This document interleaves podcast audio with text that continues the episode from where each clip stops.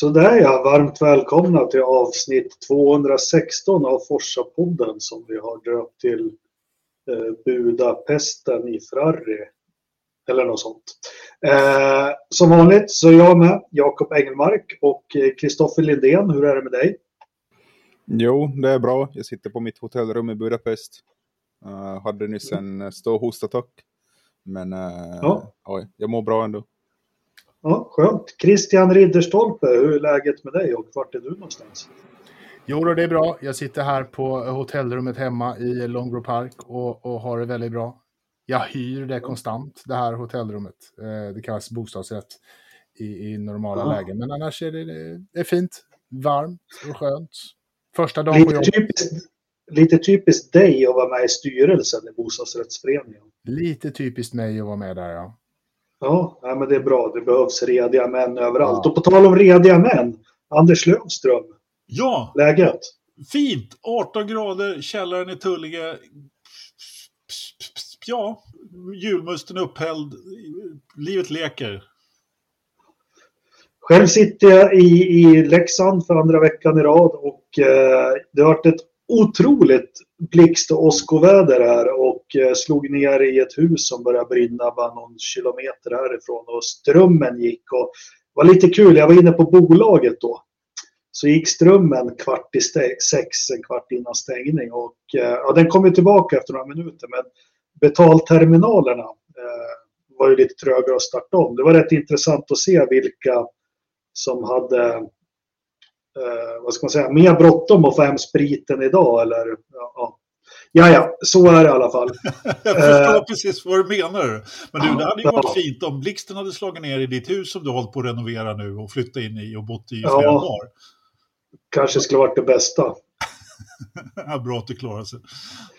Eh, dagens avsnitt kör vi ihop med racingtime.se. Gå in och titta på deras hemsida, beställ en snygg racingklocka. Vi har mycket att snacka om. Det är Formel 1, eh, både lopp och, och, och, kval och träningar. Och så har vi en massa snackisar också. Det kom ju, kom ju en liten bomb i början av veckan, eh, eller i slutet av förra veckan och en i veckan här. Jag tänker på Vettel och Alonso. Vi har lite Indycar, men först ska vi prata lite om Forsaloppet som ja, eh, 6 augusti, mindre än en vecka kvar, eh, går av stapeln. Har vi några platser kvar, eh, Kristoffer? det är några som inte har betalat in sin avgift ännu. Så ja, man är ju bekräftat först när man har betalat in. Och det finns några ännu faktiskt. Jag har inte exakt antalet på skrivande hand. Så, så det är bara vi fyra som kommer med andra ord? Ja, nej, minst 15 lag max 20 lag. Mm. Där någonstans kommer ja. vi vara. Men det är ett par, ett par tre stycken som har, som har anmält sig men inte liksom eh, betalat in än så länge. Och de platserna är fortfarande up for grab. Så att eh, ja. money talks. Eh, vi är så krassa är vi. Eh, helt enkelt. Så att det är väl bara att, att anmäla och betala snabbt som attan om ni vill eh, norpa en plats. Precis, och sen på lördag kl klockan kvart i, då håller vi aktion på de återstående platserna till högstbjudande. ja, ja. Exakt. Ja, man, får ju komma och titta också bara om man inte vill köra. Ja, det är, betal det är betalning som gäller där också naturligtvis. Ja, det är inte det för fan. Det finns tre olika biljettpaket för er som är intresserade. Eh, Maila mig. Vi har Platinum, Diamond och ett bronspaket också. Mm. Uh, ja, ja. Forsaloppet som sagt på lördag ska bli superkul. Uh, vi tackar våra patrons också och andra som uh, bidrar och är med på det här. ja, vad är det något jag glömt eller ska vi dra igång Formel 1? Rulla på!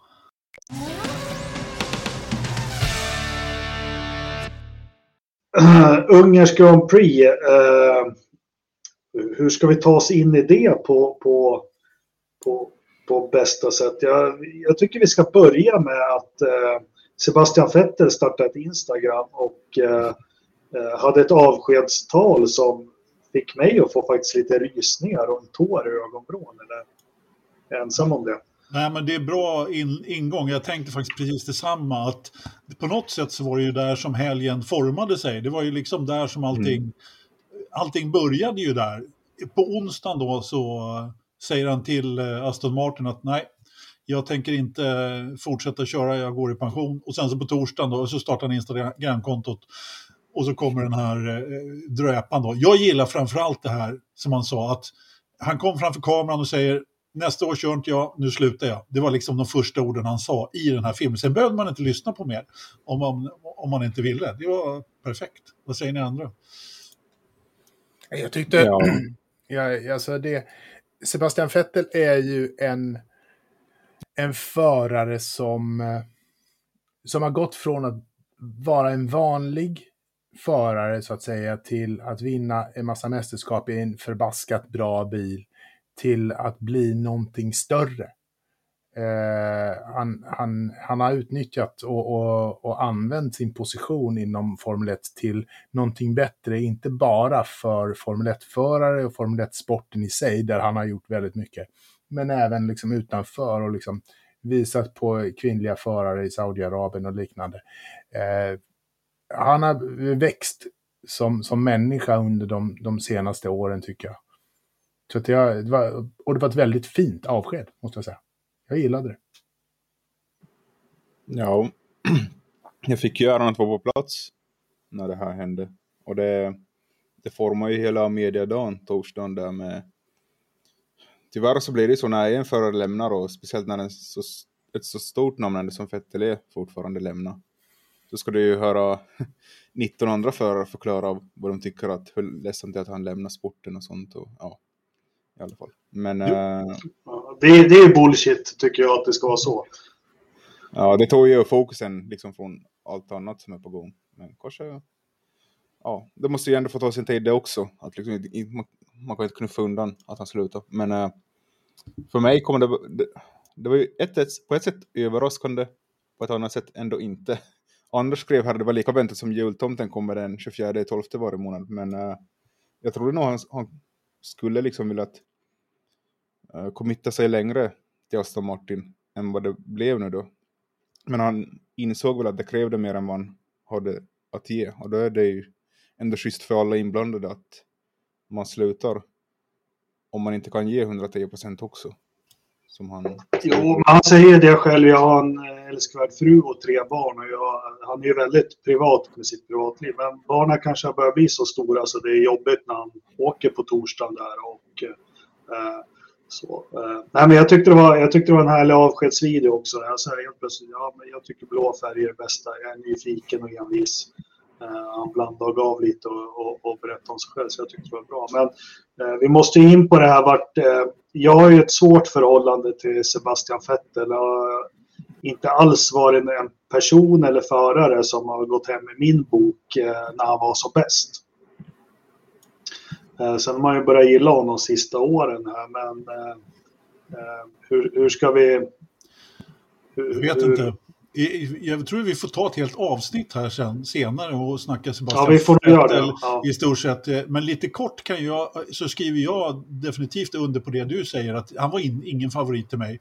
Däremot så har han blivit en favorit, eh, både som person och som förare faktiskt, men eh, i takt med, med det. Men eh, jag ska bara återknyta till det här som du sa Kristoffer, att det var ju inte direkt någon som sa mellan raderna att nej, den fan vill vi inte se det på något mer liksom, utav förarna, utan det var ju ganska ordentliga hedersbetygelser som han fick liksom, eh, mm. från de övriga. Och det var, det var, det var ganska översvallande där. Och, så liksom. Eh, ja. Ändå. Så att, eh, jag måste ändå tycka att det var rätt, rätt okej. Okay. Ja. ja, men jag, jag har alltid tyckt om Vettel. Redan när han körde, fick hoppa in där för Kubica, var det 20, 2007 visst? 2007 i Kanadas GP. Så ja, när redan då... Nej, det var USA. USA, Kanada. Ja, ja det var efter Kanada. På grund av Kubicas uh, olycka då. Men, men, ja. Nej, jag vet inte. I, i, då såg man inte vad som komma skall, men det var, han gjorde ju liksom någonting väldigt bra med Red Bull där. De lyckades bygga upp någonting oslagbart. Sen så har det väl inte gått lika bra i de andra satsningarna, men han har ju ändå hållit hög profil mestadels. Lite lågvattenmärken som när han kör in i sidan bakom safety-caren i Azerbajdzjan och sånt. Sånt kanske drog ner honom, på honom lite, men ja.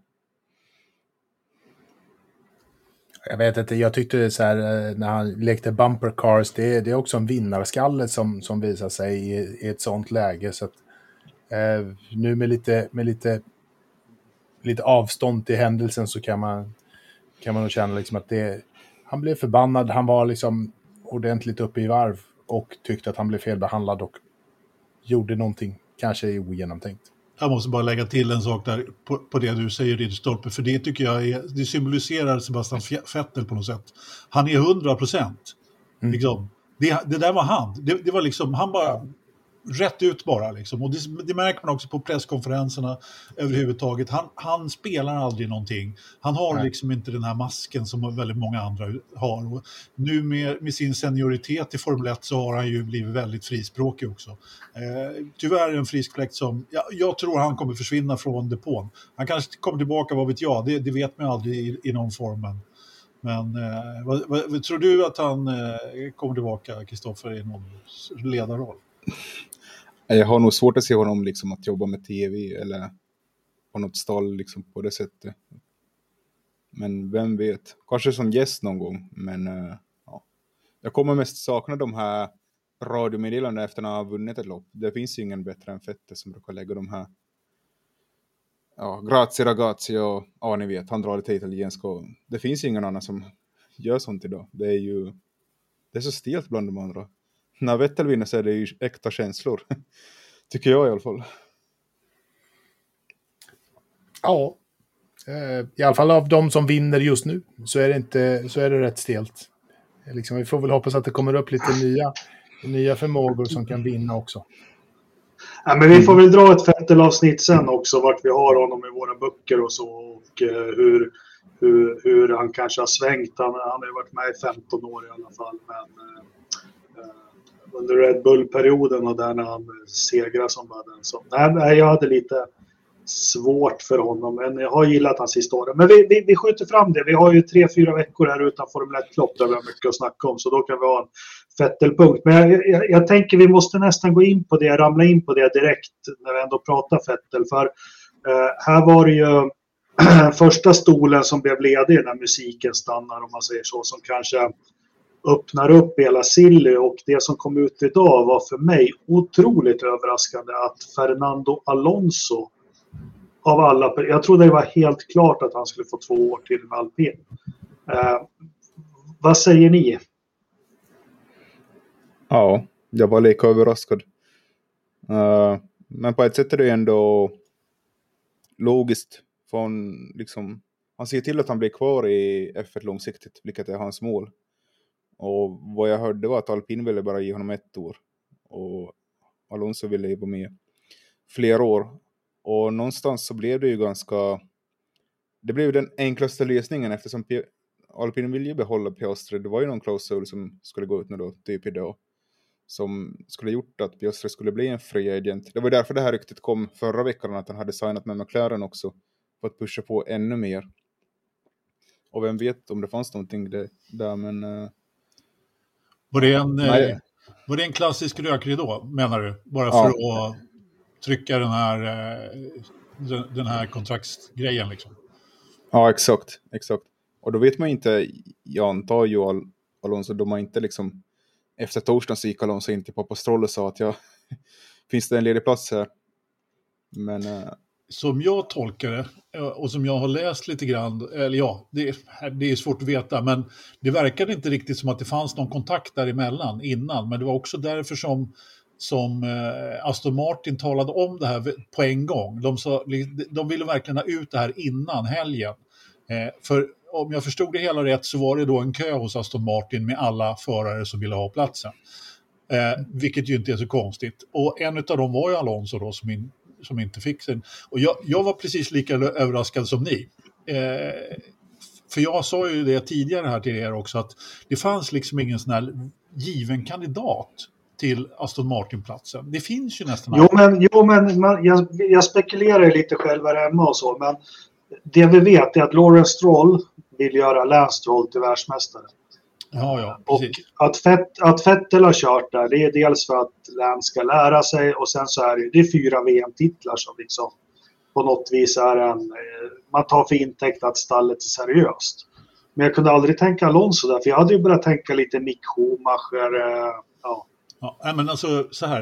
Eh, det jag skulle komma till egentligen var ju då att, att jag menar, det fanns inte den här färd, precis som du säger, man skulle kunna tänka sig med Schumacher eller någon annan eh, sån där som ramlar in på den där stolen direkt. Men det, det, det fanns liksom inte den här givna efterträdaren. Och då blev det ju riktigt, riktigt bråttom. Och det är klart, alltså vi först, nu, man har ju lärt sig hur, hur herr Strulovic fungerar senior nu. Liksom. Han ska, han ska ju bara ha en världsmästare dit, precis som du har snackat om jättemånga gånger Jakob. Och då, då är det ju självklart att om Alonso ringer och liksom erbjuder sina tjänster i princip, eh, ge mig två års kontrakt så, så, så sitter jag i den stol.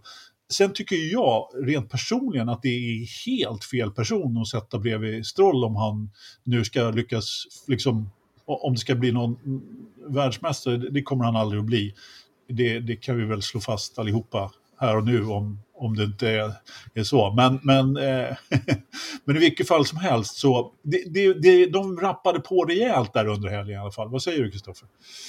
Ja, uh, jag började tänka på det där. Jag hade nog svårt att se en rookie, eller liksom en ganska ung och inte ett stort namn bredvid Stroll egentligen. För om man tänker tillbaka på när det här stallet började så gav man ju Peres foten.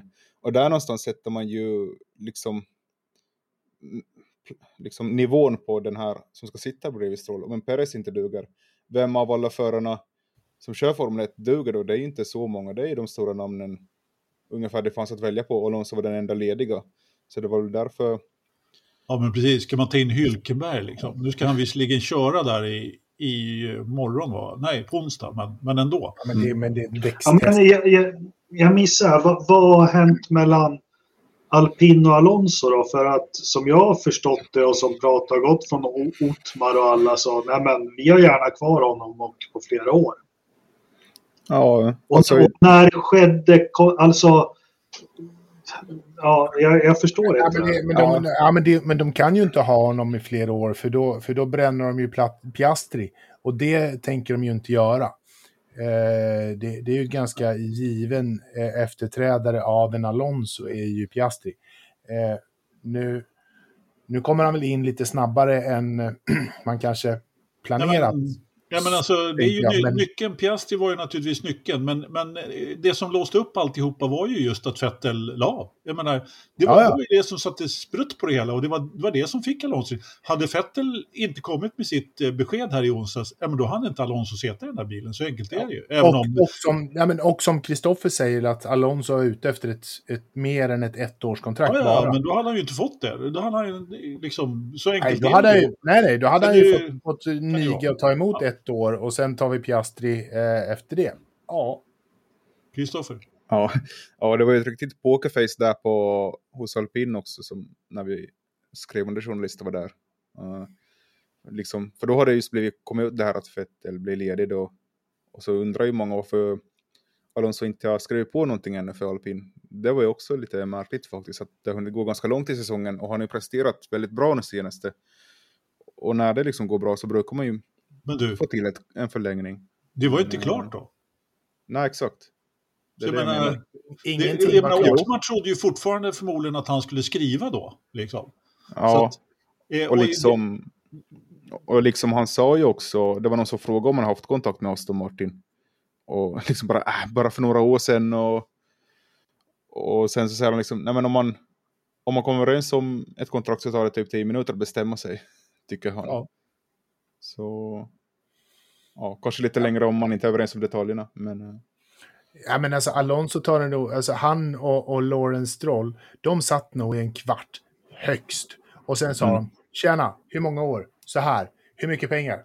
Varsågod, lite mer. Ja. Okej, okay. hej då. Du, Bretore, liksom om, om Bretore var inblandad i det där, då behövdes det inte ens en kvart. De där nej, två, nej, det alltså, är ju samma, samma skrot ja, och korn. Så att... Eller hur? Oh, give, give me this much money, I will give you the best. Uh, ja, ja okej okay då. Ja, nu kör vi. Ja. ja, men det är kul att Alonso får köra Mercedes-motor igen. Det har ju inte hänt sedan 2007. Ja, det gick ju bra då. Mm. Ja. Nej, jag, jag, får inte ihop det här ändå. Jag är lite för nyfiken. Vi får ta det nästa vecka också. Det finns för mycket. Men äh, då kan vi väl äh, så som Alonso har valt stall genom åren så vet vi att Aston Martin kommer vara i mittfältet nästa år också. Då. Som bäst. Ja, de kommer ju kopiera Mercedes-bilen från i år. Det står Igen? säkert ett Ja. Varför inte? Som dessutom inte har varit så bra. Tror vi på det? Jo, nu är den ju bättre, men... Lite. Ja. Det känns ju som Aston Martin och Mercedes har, har liksom bäst kontakt. Ja, det de är väl inte konstigt egentligen när de har eh, ägarintressen i varandra också. På Mm. det sättet. Så att jag menar, det är, eh, så är det. Men ska vi snacka lite vad som hände i söndags då, Jakob? Eller vad säger du? Ja, vi skulle behövt en jingel för ganska länge sedan. Men... Jaha. Jingel? Har vi har haft? en jingel. Vi har haft jingel. Ja. Vi har haft jingel. Ja, men jag tänkte snacka Alltså, lite jag- Formel E nu. Nej, men vi, vi, vi, vi hoppar in i, i... Det är inte lätt att leda er tre. Det är inte lätt alls. Det, eh, vi hoppar direkt in i Ungerns Grand Prix. Och du vill ju börja snacka fredag direkt. Eh, jag, jag lämnar över till Lindén helt enkelt. Va, Ja, stekhet fredag, 35 grader. Man kunde knappt stå i solen. Och eh, en massa däckdata samlades. Robert Kubica körde. Det var alltid kul. Och, Äntligen! och ja. och eh, ja, allt som gjordes på fredagen så hjälpte ju ingenting över resten av helgen. När hjälpte det senast att Kubica körde? Nej, men jag menar liksom all körning på fredagen så var ju till ingen nytta varken till blöta FB3 och kvalet och sen racet som ja, kördes i väldigt annorlunda förhållanden. Men kvalet då, vad hände där? Ja, eh, ja Kristoffer, vad hände? En av världens mest eh, överskattade idrottsmän enligt dig eh, tog pole position. Så vad hände där? Ja, vad hände? Vad hände inte? Uh, Lewis hade problem med DRS på sista försöket. Eh, Det såg klappat och klart ut för, för eh, att Sainz skulle ta det här. Verstappen hade problem med motorn, vilket han ska tacka sin goda fe för, eller smala lycka, eller vad säger man? Att han fick det där. Eh, Ja, det var väl det som hände på kval enligt mig. Eh, Ja. Perez fick inte till det alls. När fick han det senast? Ja, nej, så det som hände på kvalet förutom att Russell, det var, och vi kommer ju till det slutresultatet, men liksom, vi har en Ferrari på andra och tredje plats och vi har en Red Bull på tionde och elfte plats. Så, ja, vi kommer in på Ja. hur fasen det här gick till sen. men det viktigaste är ju att Latifi var snabbast på F1-3 och kvala sist. Jag tror Ja. det är första gången det måste ha hänt någon gång att någon har liksom på FP3 varit först och sen kvalat in på sista rutan. Fast det var ju också så att på kvalet så var han ju vindsnabb. Han satte ju liksom en, en lila första sektor där eh, på, på Q1. Eh, men tappade ju allting då. Så att eh, hade vi... Ja. Vi- Hade vi bara näst- kört sektor 1 så skulle ju han vara i Precis. Ha- Hade, hade han liksom, eh, jag vet inte om det var i sista sektorn som han tappade resten. Men, eh, men eh, det var ju faktiskt lite, eh, han hade ju helt klart bra fart när det var dåliga eh, omständigheter. Vet jag. Men det, men det är ganska, men det, jag tyckte det var lite uppfriskande att se att Williams-bilen faktiskt funkar bra när det är lite svårare eh, omständigheter. För ni hörde väl Leclerc efter eh, målgång där, som undrar liksom, va, vilken tid satte, satte Latifi? Va, en bla bla bla 606. Han bara, on inters? Ja. Han bara, what? Vad var det där liksom? Hur i hela friden? Alltså, och det, det är ändå liksom...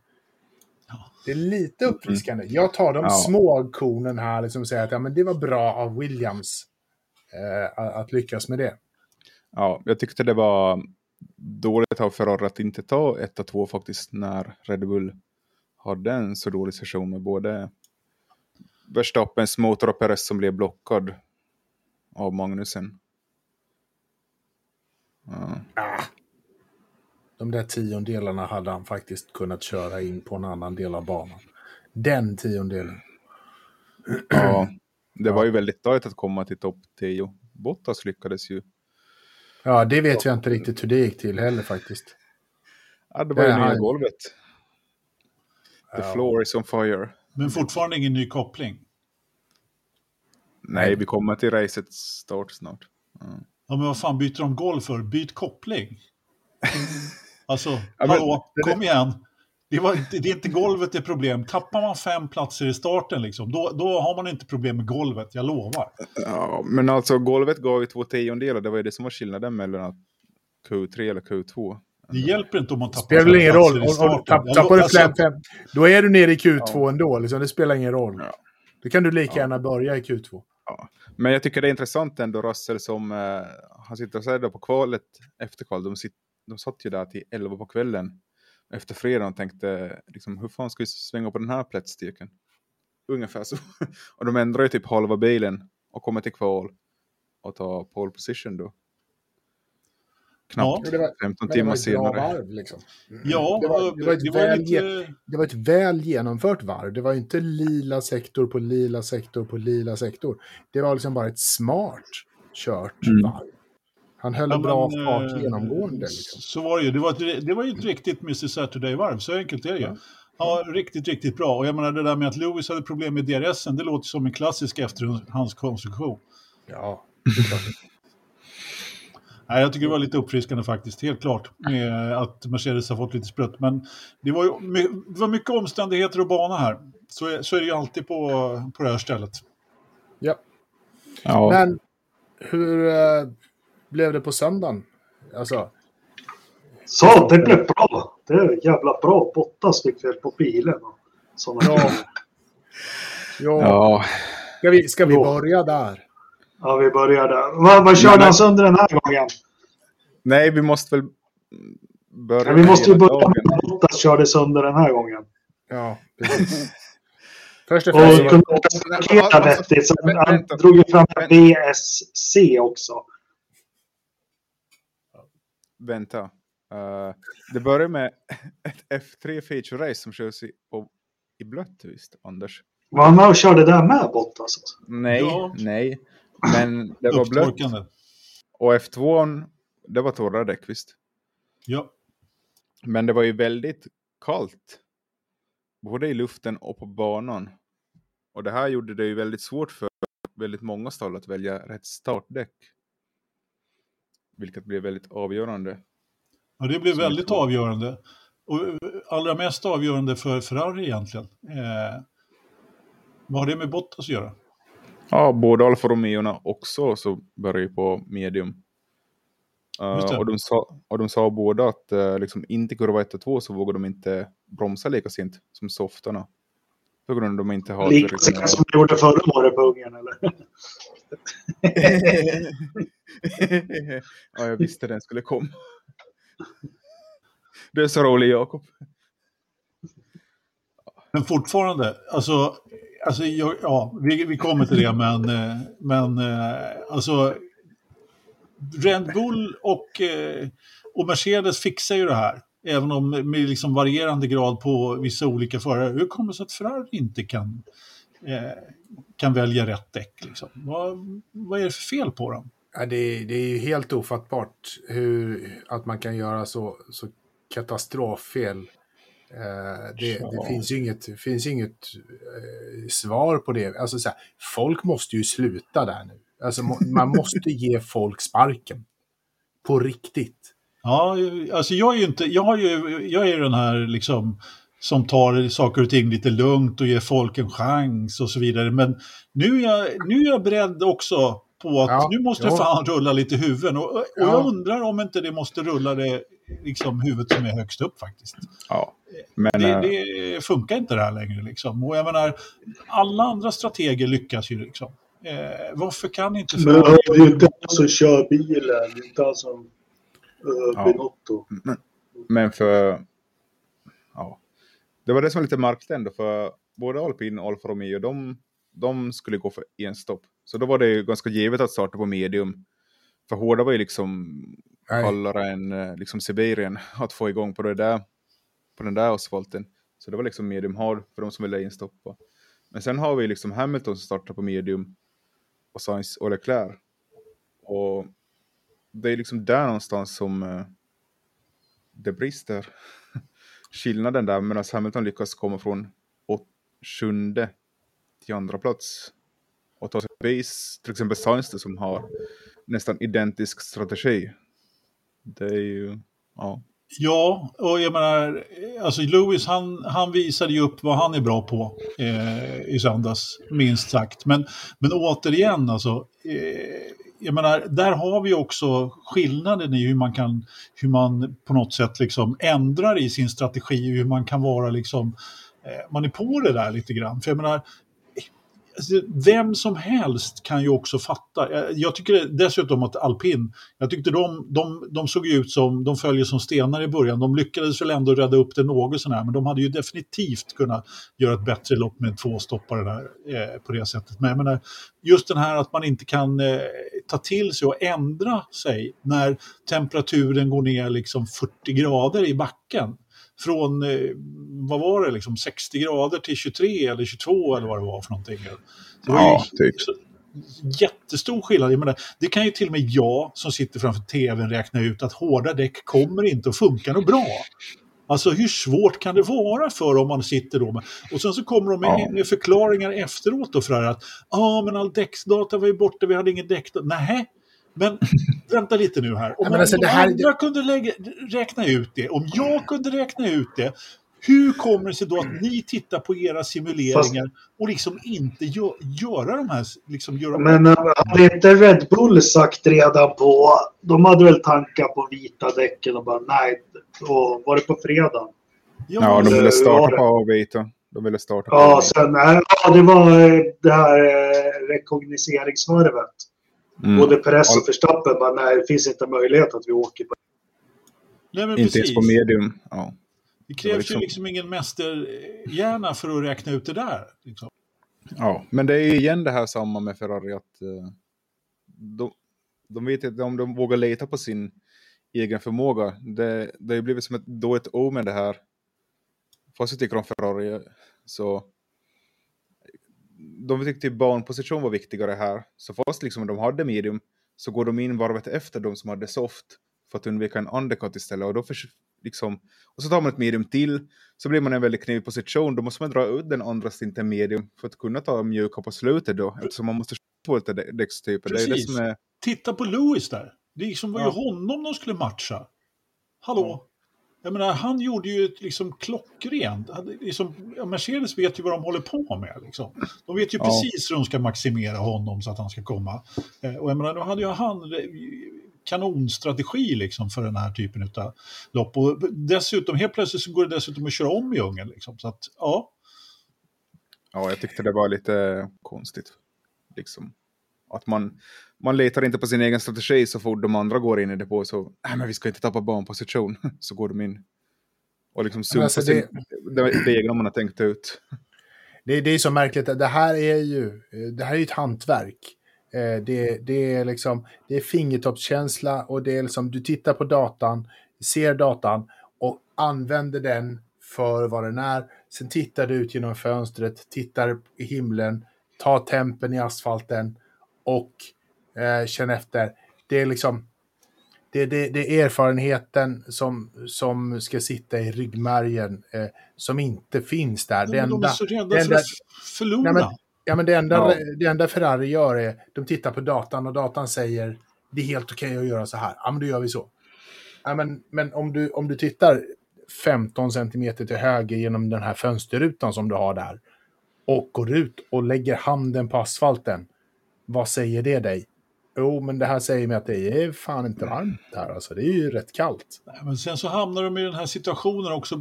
Liksom, det är klart att föraren ska ju vara med i det här. Liksom, eh, det är alltid föraren som sitter ute och kör och talar om hur det ser ut. Och, liksom, och, och jag menar det här samspelet eh, mellan ingenjörer förare, det funkar ju inte överhuvudtaget. Liksom.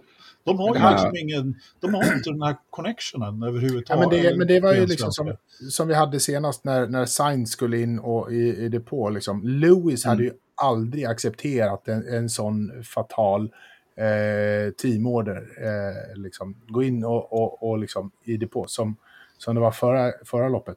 Men, men de köper ju det. Alltså, både, både, både Sainz och Leclerc verkar, verkar det är ju också... Med, med rätta så litar de blint på sin depåpersonal, vilket ju är helt okej okay också. Ja. Men du är en, om du känner att det här är helt åt gatan fel, skit i det då, kör.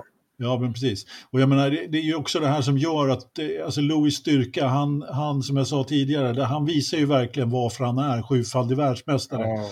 I, i mm. Det här är ju hans eh, hemmaplan liksom, när, när det är så här.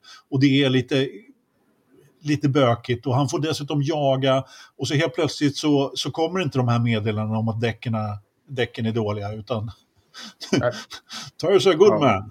Kommer det liksom. Ja. Vad säger du Engelmark? Du är alldeles tyst. Eh, lyssna på facit. Nej men, ja. Nej, men jag, jag, är förundrad, jag, är, jag är förundrad över... Jag byggde lite altan. Sen när man tror att loppet ska gå in i ett sånt här skede, ni vet. Ja, men nu, nu hinner jag gå och skruva en planka. Anders, du fattar vad jag menar. Ja, jag förstår precis. Du såg inte loppet, så, du skruvade altan istället. Nej, jag såg, jag såg starten och allting. Sen tyckte jag att nu, nu har det stabiliserat sig, nu kan det inte hända så mycket. Så tänkte jag, jag ska såga en bräda till och skruva den. Då kommer Albin ut. Pappa Verstappen har, har eh, snurrat och Ferrari har gjort det igen. De har satt Leclerc på vita och han blir omkörd till höger och vänster. Ja, då var det bara att pipa ner till tvn. Eh, och, och, och, och, alltså, så, så, om ni förstår vad jag menar, när, när allt ska vara lugnt och liksom stabilt och de, nu väntar vi på nästa depåstopp så lyckas Ferrari även då skapa dramatik på något vis. Eh, Sen vet inte jag vad det beror på, men liksom ja, 300 italienare som tittar på en massa data, det tror jag aldrig kan bli bra. Nej, uppenbarligen inte. Nej, men, Sen så tror man lurar sig mycket, för det har ju blivit väldigt mycket nästan big data i Formel 1. Uh, eh, jag tror ibland så måste man kanske...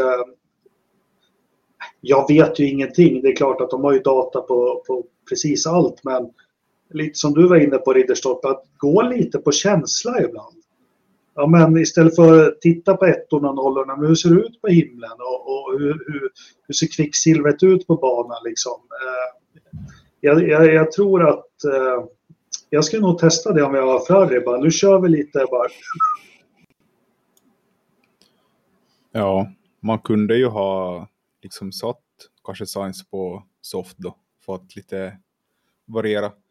För man, eh, man säger ju efteråt också att man hade ingen fart på något typ av däck. Just för att det var för kallt och man kanske blev lite...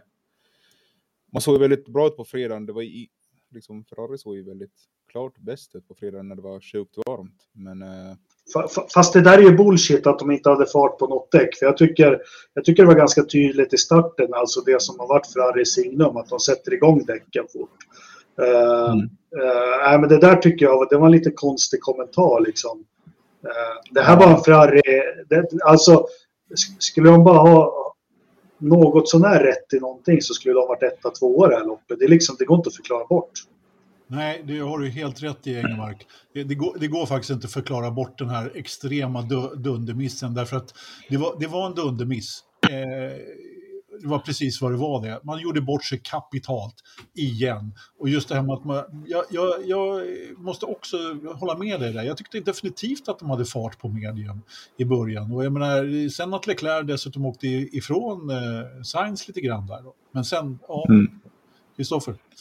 Ja, jag tänker väl eh, också på att eh, intressant igen att det är Sainz som tar den här bättre strategin. Jag har inte hunnit lyssna på hans teamradio där.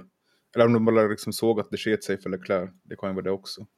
Så. Men eh, ja, jag tycker det bara var intressant att Leclerc letar fullständigt på stallet medan Sainz igen kanske mm, tänker lite mer själv. Det är det.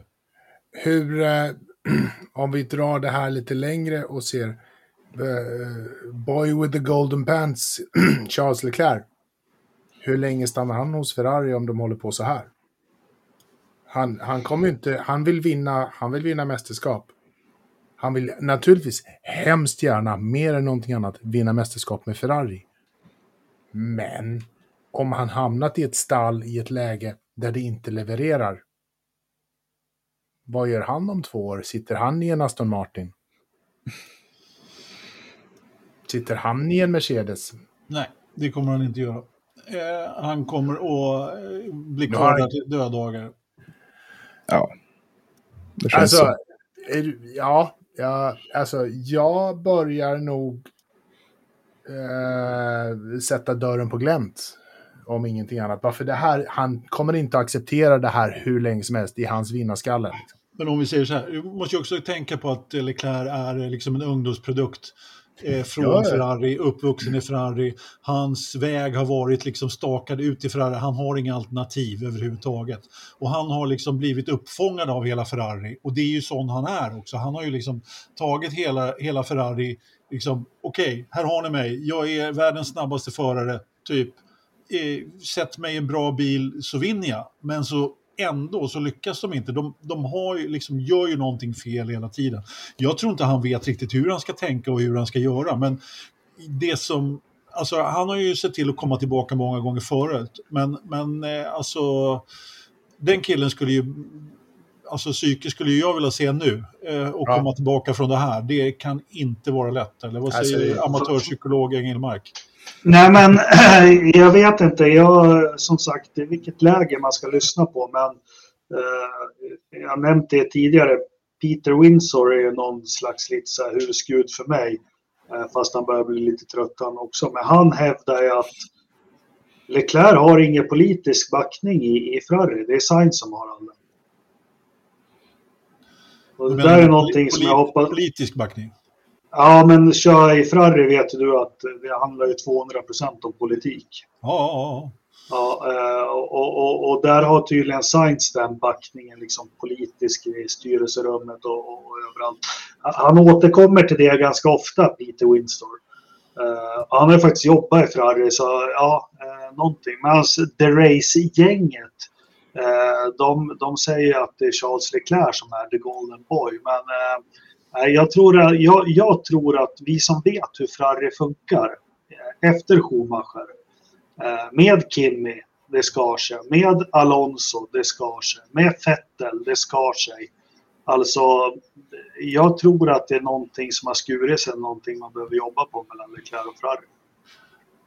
Ja, så kan det definitivt vara. Eh, jag tror att eh, han har haft, eh, alltså jag vet inte riktigt, alltså med, med Sainz så är det ju så mycket, han har ju en större apparat kring sig, även om Leclerc också har en apparat. Eller, ja, men det är Santander och det är... Liksom, på något sätt. Ja, men det är Santander och det är alltså mycket spanska stora sponsorpengar in.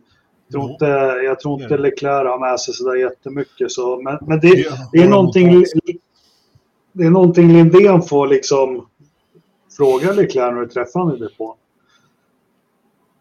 Ja. I heard you have no political backing in Ferrari, is that true? ja, exakt. Nej, du, men, du, är, äh... du är två tiondelar snabbare än Sainz, men du, du kan, kommer ju fortfarande inte i mål. Ja. Hur ska vi lösa Nej, men, det här? Ja. ja. men som jag skrev till någon, någon vän, att liksom, Leclerc har väl mera talang medan Sainz jobbar extremt hårt. Så om man ska sammanfatta det kort. Nej, men Leclerc är ju en något bättre vässad version. Han är ju en blandning av Gilles Villeneuve och Jean Alesi. Och så eh, ett, ett litet stänk med alldeles för lite av Alan Prost i den där DNA-poolen. Eh, Han skulle behöva jag... mycket mer Alan Prost. Problemet är ja. att Leclerc är ju, är ju dessutom trevlig. Det var ju ingen av de där tre gubbarna du räknade upp. Jag får se, har vi något mer om loppet? Jag känner att jag, ja. jag tappar lite. Av... Ja, ja, ja, jag, har, ja, jag, jag har en Kör. väldigt viktig fråga här. Liksom, George Russell, George Russell, en förare av rang, leder loppet väldigt länge och uh, ja, har bra möjlighet att ta sin första vinst. Men uh, och ta samma strategi som vinnaren Verstappen, men varför kommer de bara trea? Anders? Vill du att jag ska svara på det? Jag har ju redan svarat på vad, vad som hände egentligen. Ett, hade han verkligen chansen att vinna? Två, hade han verkligen exakt, var den strategin den bästa för honom? Jag menar, när man leder så vet ju du lika väl som jag att då tar man ju den strategin, då försöker man ju liksom spegla. Eh, de speglade ju Ferrari där. Mm. Vilket ju inte alls gick, naturligtvis. Det var ju Lewis strategi som gick bäst eh, mm. för Mercedesen idag. Så det var ju ganska självklart egentligen. Sen, och sen med den här nya ungen då och det nya reglementet som vi, jag tänkte vi skulle prata om. Det är jag som har lagt till en punkt där. Eh, jag menar på den här banan så har vi ett ungen, en ungen, ett ungersk GP där, där det går att följa efter och köra om dessutom. Eh, mm. med, med, banan som ser ut, vilket det inte har gått förut. Låt säga att det här hade varit med de gamla bilarna. Alltså det är tveksamt om vi hade sett den här eh, resultatlistan då. Det, det, tror inte jag faktiskt. Men är det du som har skrivit nya reglementet en succé? Det är, är, det, är det du som har skrivit det Anders? Jajamensan. Ja, jag tänkte väl. Ja, vem, är det, vem är det, eller hur, vem? Eh, okay. Eller hur Jakob? Nej, men jag, känner inte, jag känner inte igen stavningen så jag tar, ja. tar inte åt mig. Men... Ja, förlåt. Ja, men, det, men för, att, det... ja, för att prata Russell ännu. Han, han blev ju omkörd av Leclerc där i ett, i ett skede också som du säger. Och, och där någonstans trodde man ju Leclerc skulle vinna det här. Ända tills... Ja, ja, vi har redan pratat om vad som hände sen. Ja, men precis. Jo, men det är klart att Ferrari satt ju i vinnarhålet, helt klart. Eh, jag menar, det, det, märkte man ju ganska snart att Mercedes inte riktigt hade samma, ja. samma sprutt där. Men, men, eh, alltså, men, ändå så är det lite nyckeln till, eh, till loppet och hur det blev och Russells position. Jag, menar, jag trodde nog också att han skulle kunna försvara sin ledning och kanske ta sin första seger ända tills ungefär när Jakob gick och spikade första plankan där. Alltså, där någonstans så insåg man ju även hur långt man än hade hur mycket, hur bra det än gick liksom att ja. nej, men här, det här kommer inte att funka för Russell, så enkelt är det ju. Ja, alltså det var ju märkligt hur liksom Verstappen också och Hamilton, hur, hur bra kontroll de hade. För det var någon som skrev att det var ungefär som ett regnlopp utan regn. liksom alla konstiga strategier och sånt. Och, och det, är väl, det är väl det som gör att, att det är de här två, Verstappen och Hamilton, som är en klass för sig fortfarande. När det verkligen ska presteras. ja och kommer förbi, liksom när de släpp, blir utsläppta i trafik så kommer de ju om bilarna, vilket inte hade skett om det hade varit det gamla, det var, det var lite det jag var inne på Jakob där. Att, jag menar, hade vi haft det gamla reglementet här så hade de inte kommit om de här bilarna. Förstappen hade inte vunnit, Lewis hade inte kommit två. Det, det kan jag sätta rätt mycket på faktiskt om vi hade haft en annan typ av bil. Eh, mm.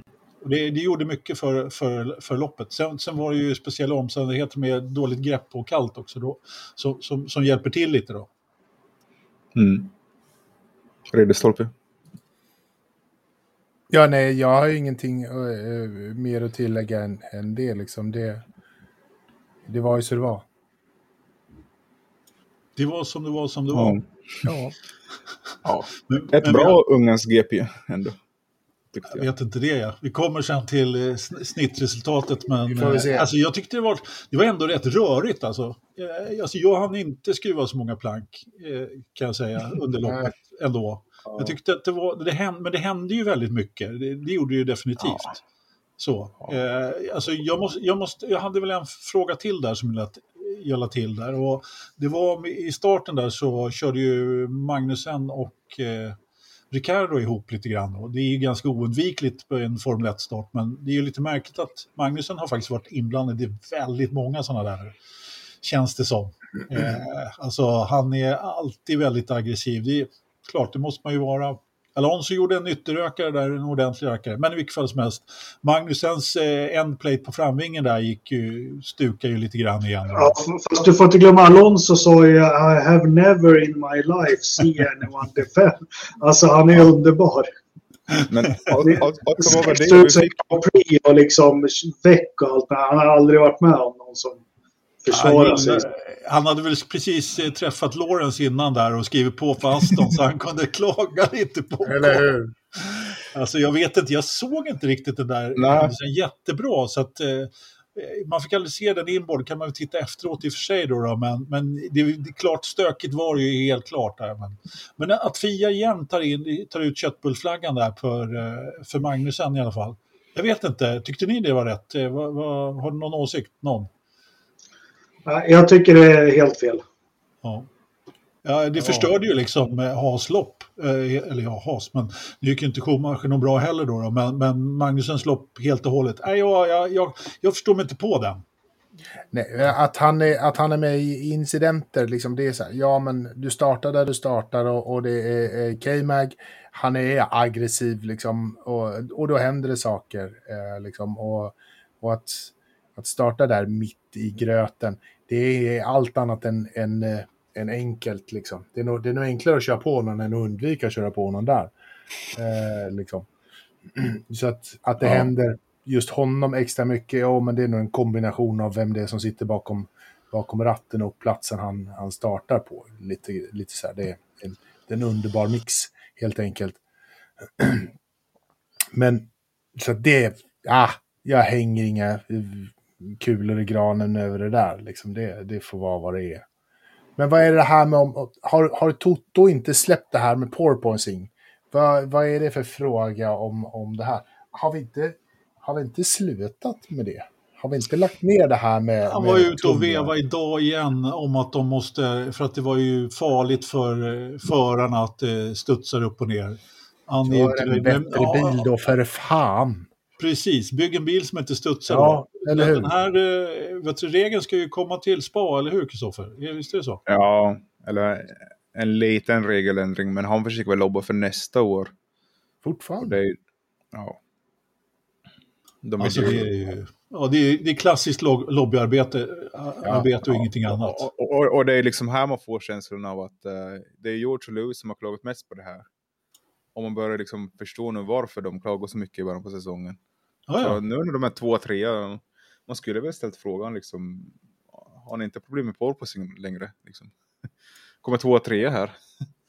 Oh ja, men alltså, så som det var i början av säsongen så förstår jag bara för att sitta och studsa sådär i 300 knyck, det är fan ingen som vill. Eh, ja, inte, om man kommer sex eller 20, men om man kommer två så går det väl. Ja, jag, vet, jag skulle ha så sjukt ont i ryggen efter det där. Om du har eh, mindre ont om du får stå på pallen, det, det håller jag med ja, om. Li, li, li, lite skumpa hjälper ju. Det, så, så är det ju. Bubbel, bubbel är bra. Men, äh, ah, ah, ja, men alltså han... Men andra sidan, du måste ge eh, Toto det att han är faktiskt rätt bra på lobbying. Eh, han, det här är en av hans bättre sporter. Han, han, han är den bästa av alla. Han vet hur man gör. Liksom, han, han, han, och Horner, de vet precis hur Magnus ah, slipsten ska dras. Det är, ja, för, för, att ta en åsnebrygga till nästa punkt. Liksom. När Horner står i intervjun och säger att eh, ingenting är klart mellan Red Bull och Porsche till exempel. Bara, Nej, vadå? Det är 51 procent klart.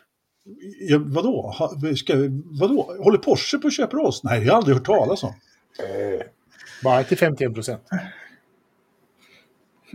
Det är ju bara nästan. Hälsa ja. Kristoffer.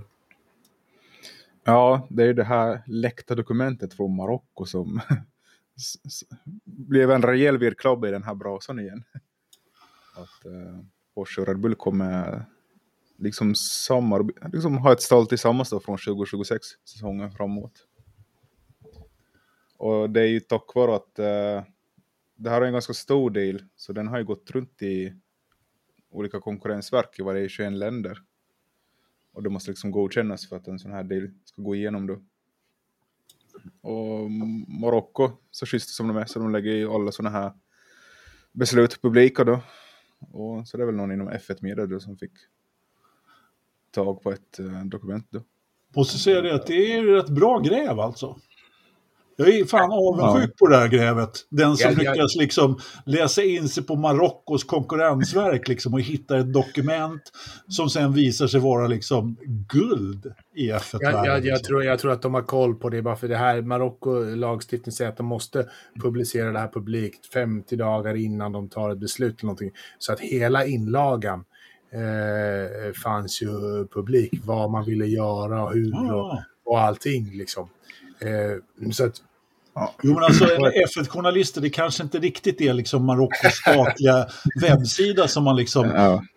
på arabiska liksom ja. plöjer på det sättet. Ja. Men liksom, fakta i, i, målet är ju då att vi har, alltså att ja, man har ju inte genomfört affären, men om man ska genomföra en sån här affär så måste man liksom gå genom Konkurrensverket. Och det gör man ju inte om man inte är liksom, om man inte har tänkt att göra affären naturligtvis. Så att, eh, Eh, så någon typ av avtal eller avsiktsförklaring finns det ju naturligtvis, även om ingenting är klart då, eftersom det då ska igenom vissa instanser så att säga. Eh, men tanken som jag förstod det var i alla fall, eller du kanske kan det här bättre Kristoffer, eh, på tio år och hur var? Ja, no, jag har försökt läsa mig in på det. det verkar som det här dokumentet kanske har blivit läckt också av någon som har... Det kan ju hända att det har gått den vägen också. Men i alla fall. Nej, nej, nej, nej. Men det är ju det är ganska farliga saker när det kommer till sådana grejer. För Porsche är ju ett eh, börsnoterat bolag. Om jag inte har fel. Eller Volkswagen i alla fall är börsnoterat. Så då, det är därför de sånt här inte ska läcka ut. För det kan ju ha en liksom, påverkan också på priset, aktiepriserna i längden. Ja, fast eh, fortfarande så är det så att då måste man skicka in den här typen av dokument på eh, konkurrensmyndigheten så är det ju lagar som säger att man måste göra det. Så att, eh, men visst, eh, vet du, Porsche det är klart att börsreglerna kan ju, vara, kan ju gå, gå på tur. Alltså jag måste säga det att jag har lite svårt att förstå hur den här, den här behöver kleras av konkurrensmyndigheterna. Men det får vi väl jobba lite på och, och ta rätt på. Men så, äh. det är inte så att Red Bull får världsherravälde på Formel 1-stall eller jag vet inte. Ja, alltså det är ju det är meningen att uh, enligt det här dokumentet nu då, att det kommer liksom att, att vara ett liksom delat bolag då mellan Porsche AG och Red Bull GmbH. Och det är liksom 50% av Red Bull Technology Limited som Porsche kommer köpa. Så det är inte stallet utan det är Red Bull Technology är väl de som gör motorerna nu då. Ja, men det, det, var väl grunden då. Och sen så skulle de väl, som jag förstod det så var det också en affär på tio år. Att eh, det var inte, eh, det var liksom inte så att de köpte 50% utan de har liksom en de har skrivit ett kontrakt på x, x antal år också. Men var inte det Formel 1-stallet då, som du köper en del av... av Nej, det var... Allting, allting gällde då, som Kristoffer säger, Red Bull Technology. Men i, i vilket mm. fall som helst, hur, hur det än är med alla eh, turer fram och tillbaka och jag menar, den här dealen kommer ju bli... Eh, mm. eh, det ska ju väldigt mycket till för att det inte ska bli ett, ett Red Bull Porsche som tävlar i Formel 1 2026. Men eh, det intressanta här är ju att, att Red Bull och Porsche får ju, kan ju, tar ju inte Eh, vad heter det? Eh, de, de, får ju inte presentera det här själva utan nu har det läckt ut. Mm. Och det är ju därför Horner står och säger som han själv vill. De vill ju naturligtvis presentera. Det ryktades ju då att de skulle presentera det där i Österrike då på Red Bulls hemma, hemmaplan. Men i och med att, i och med att äh, vet, äh, motorreglementet inte blev klart där så, så, så så, så, nu är det väl så att de ska ta det där beslutet i veckan, Kristoffer? Med motorn. Ja, ja, eller de väntar ju fortfarande på det här 2026-reglementet som, mm. som ska bli någon typ av 50-50 eh, hybrid elektriska motorer med syntetisk bränsle. Jag vet inte varför de inte får det här beslutet, vad det ska vara för specifikationer. Det, är det som håller tillbaka alla, alla liksom avtal då från 2026 och framåt. Så, alltså vad är det de, vad är det de har fastnat på? Jag, jag håller med. Va, va, varför de det är inte som att eh, de har ju hållit på ett bra tag och skulle presenterat mm. och skulle presenterat det liksom, men de, eh, men de har ju skjutit det ganska långt framför sig nu. Under, så här, de har skjutit det framför sig under ganska lång tid, ska jag säga. Eh, de har bara flyttat det hela tiden. Vad är, vad är problemet? Liksom? Är det någonting stort som de har missat från början eller har de klantat sig? Ja, Eh, ingen verkar riktigt veta, märkligt nog. Ja, det, men, det är ju en läcka som man vill ha annars. Ja, ja exakt. Och det, tror, det... ni, tror ni inte det har att göra med det här att det ska vara helt eh, koldioxidneutralt? Att man vill, man vill ha det klart först, att det ska verkligen vara det? Att säga. Kanske, ja, kanske att det är bränslespecifikationen. Just att det här ja. syntetiska bränslet som är oklart. Det, det, tror jag. Men hörni, när vi ändå var inne på det, det här står inte i vårt körschema, vi måste ju nästan ta den också. Vi har ju e- ett stall till som är på väg att bli uppköpt. Vi är ju på väg att bli av med vårt svenska Formel 1-stall faktiskt i, Eh, och det har vi väl kanske inga papper på annat än att det ryktas ganska hårt om att eh, Volkswagen, jag förstår inte riktigt hur, hur det kommer sig att Volkswagen ska in med ett märke till, men eh, de är i och för sig frikopplade Porsche och Volkswagen lite grann, men, men, eh, men det är ändå samma familj på något sätt. Så att, eh, det ryktas ju om Audi då och eh, att eh, Volkswagen-koncernen håller på och köper upp eh, åtminstone stora delar av eh, Sauber då, som det heter. Alfa Romeo. Du, du hade mer information där också, Kristoffer? Ja, det skulle vara, alltså det här är en del som är värd typ 450 miljoner dollar. Och de ska ju stegvis då köpa 25 procent. Uh, 25 procent av 2023, uh, 2024 och 2025. Och sen 2026 då kommer liksom Rausing bara vara med med en, en fjärdedel då. Och... Då får han ändå rätt bra betalt. Ja, 450 för 75 procent. Det, det är rätt bra betalt. Ja. Visserligen så har han lastat in ganska mycket pengar också, men eh, han fick det ju för en spottstyver. Eller hur? Han fick det ja. för en krona. Ja, så de, är ju, de har ju gått upp rejält i världen, de här F1-stallen. Braun köpte sitt för en dollar och, och nu är de liksom, kostar 600 miljoner då, är ju Sauber värt nu då, om man ser på de här siffrorna. Men eh, har de inte köpt 25 procent? redan nu. Ja, vi pratade ju om det i någon ja. podd här. Men det var väl oklart om det var redan nu eller om det var nästa år. Jag förstod det som att de, de, redan var där, att de redan har köpt in sig i, i Sauber. Men... Jag tror inte det. Mm. Inga tecken tyder på det. Ja. Italiensk media har, har, inte rapporterat något om det i alla fall. Ja, och okay. Alfa Romeo presenterar ju helgen att de förlänger ett år med Sauber. Så det är tydligen på det är väl multi men de, de skrev ju där också i pressmeddelandet som kommer i torsdags att de värderar samarbetet varje juli månad. Då. Ja, men det där är också intressant tycker jag, just med, med deras eh, ettårsskrivande där. Tidigare så var det ju fem år de hade första, har jag för mig. Eh, mm. Eller i alla fall långa, långa tidskontrakt. Och jag menar, nu ingår ju Alfa Romeo i någonting jättestort och man vet ju inte riktigt hur det ska se ut med märket. De har ju fått ett par år på sig för själva bilmärket och, och visa svarta siffror dessutom, yeah. så att det kan ju gå rent åt pipan där. Eh, så att jag förstår att de bara skriver på ett år, men eh, och det är klart att det är bra för Saber också då om man ska branda om det där då nästa år ja. istället. Men, det, men det, är inte, det är inte så konstigt att de bara skriver på ett år, för de har ju Bottas där, vi är vana vid det. Vi kör ett år i taget. ja, Nej, men eh, jag tycker det är intressant där att man liksom planerar så långt ifrån. Det är väldigt ovanligt, känns det som. Det är liksom fyra år framåt i tiden det här handlar om. Och nu finns det rykten om att uh, Honda kommer komma in tillbaka och lägga på sin logotyp på Red Bull-motorerna för 23, 24, 25. Okay. och sen försvinna då igen. Så det blir ju, ja, ni hörde liksom man är liksom vana med att man planerar saker nästa år och kanske följande år, men inte liksom fyra år i framtiden. Alltså, vi gör, jag gör allting i sjuårsplaner, du också, eller hur Jakob? Absolut. Den plana ekonomin är den sanna ekonomin. Mm. Fint. Exakt. Eller hur? Bra! Är vi, Har vi färdiga med eh, Ungern för den här gången? Ja, jag, vill höra vad, jag vill höra vad Engelmark tycker om alla nya stall som ska in i F1. Eller motorleverantörer. Men, eller, men, men det, vi var väl inne på det för någon podd sen. Jag, jag gillar inte den här biljätten. Alltså, äh, vi har ju sett det här gå ju i epoker. Ända sedan mm. 80-talet faktiskt, eller slutet på 70-talet. Och det, det slutar ju aldrig lyckligt.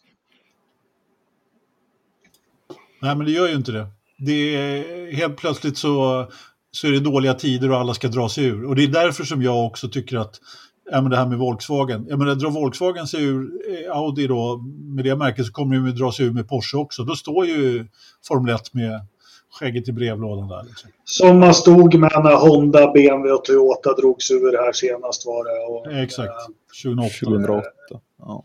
Renault och Alfa Romeo har ju varit in och ut i sporten också. Det är egentligen bara Ferrari som, som, eh, som bilfabrikant har hållit i eller haft eh, uthållighet. Ja, Mercedes, Mercedes är också in och ut. Alltså jag, jag har ju gissat på att Mercedes skulle lägga av. Jag har ju faktiskt fått fel där, måste man ju ändå säga. De har ju hållit i lite mer då, men... men eh, Fast frågan är hur mycket Mercedes det här teamet är, alltså när det kommer ner på Ja. balans och årsredovisningar. Och, Inte, inte riktigt lika mycket som vi kanske trodde från början, men det är ju trots allt Mercedes som har sitt namn där på det. Men, men det är klart att drivs det mer som ett racerbilstall, eh, för det, det är ju här, det är här som är problemet lite grann. Eh, det är ju när, när det blir stor politik inom eh, företaget, när Formel 1-bilsstallet liksom drivs på, på styrelsenivå. Som det gjordes i Renault till exempel och, och så vidare. När man inte har, liksom, har en egen avdelning som, dra, som, som driver eh, som, som ett straff. Jag menar, du kan ju inte ha ett skjul i, eh, vad fan det nu är, i någon håla i England och driva ett Formel 1-stall längre. Utan det är ju en, en mångmiljard eh, affär liksom. Och, så det är klart att då behöver du ju ha den här typen av stora backar. Och det är ju egentligen bara Red Bull som, inte har, som, som har de pengarna i dagsläget. Eh, då som inte har backning utav eh, eller som har egna pengar kan man säga. Ja, men om man tittar på, på de andra fristående stallen så är de ju borta allihopa. Liksom. Du måste ju ha en stor stark ekonomisk partner. Och, och, jag menar, till och med Red Bull nu har ju då, kommer ju förmodligen få ganska rätt bra betalt av Porsche också misstänker jag. Det finns ju mycket att prata om där också. Men, Det är Ekonomipodden. Ja, nej men det, det ryktas ju ändå att det ska bli officiellt nu då, de här tekniska reglementen 26, innan sommaruppehållet, så det kanske har kommit ut nu då, när vi, Det när är vi lyssnar nu på det. den här podden. Ja. de får inte göra någonting heller under sommaruppehållet.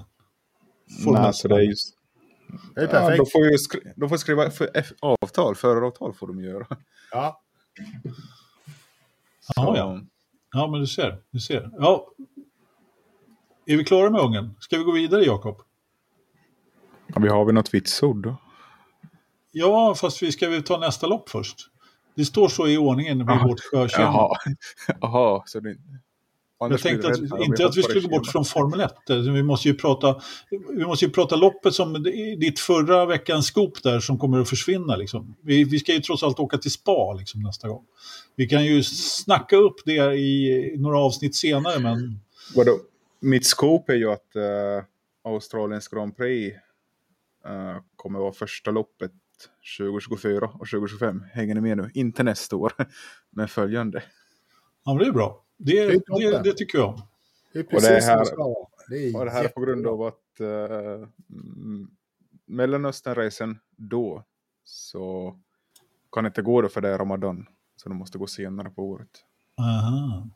Ja, visst fan, det flyttar ju runt ja, hela tiden. Ja, precis. Och det är Mm. inte så lätt att hålla reda på, höll jag på att säga. Eh, Ja, men det här är först om 2024. Så Ja. Men det är bra. Nu tillbaka till gamla tider. Till gamla Då- banor och vanor. Då får du ge fan i att skruva trall där. Eller hur? jag lovar. Ja, det är bra. Det är bra. Var det ett bra lopp då, Ridderstolpe?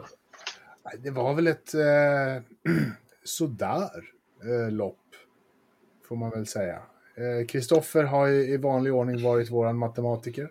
Jag är bara en skribent, eh, så att jag kan inte räkna, så att jag har Kristoffer som, som kan sånt. Eh, och han sa att vi, vi närmar oss pi, ja. faktiskt. Eh, så att vi är inte så långt därifrån. Så att 3,17 var ju det officiella svaret på... Mäh. Hur står sig det då? I, eh, I jämförelse? ja, ungefär som mellan Barcelona och Kanada. Ja, Ett mjäkigt lopp alltså. sjätte bästa loppet. Jag tycker man... Det här var nog bättre än Barcelona.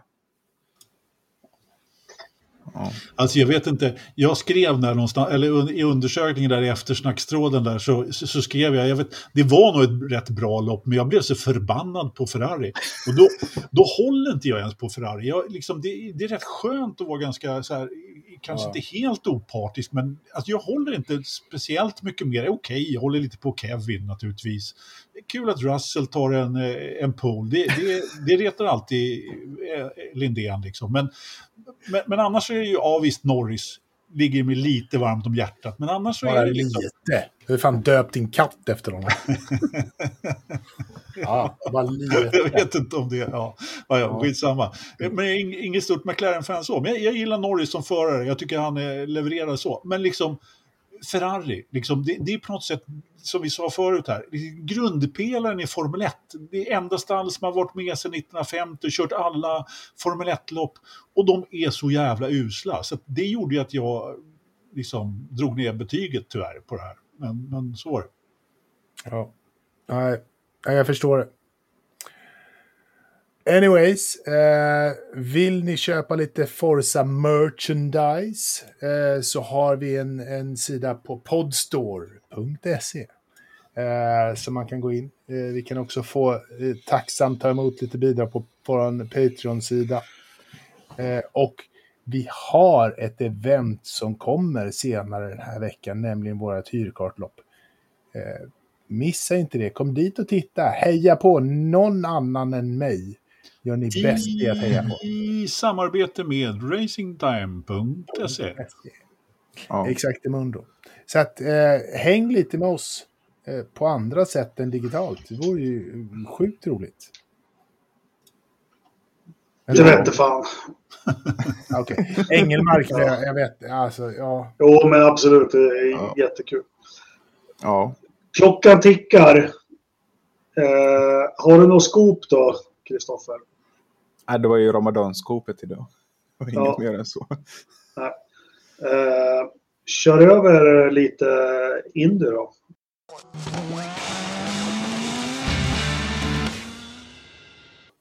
Yes, man var och körde i Indianapolis på Grand Prix-banan eller vad man kallar det. Det här loppet, jag vet att Felix stod i pole position. Jag har ingen aning om hur det gick eller vad som hände eller någonting. Det här gick mig helt förbi. Jag hade ingen koll på tiderna alls och jag är superbesviken över det. Men verandan är klar? Ja. eller? Nej, men det var ju. Ett, eh, total, total missat. Eh, ja.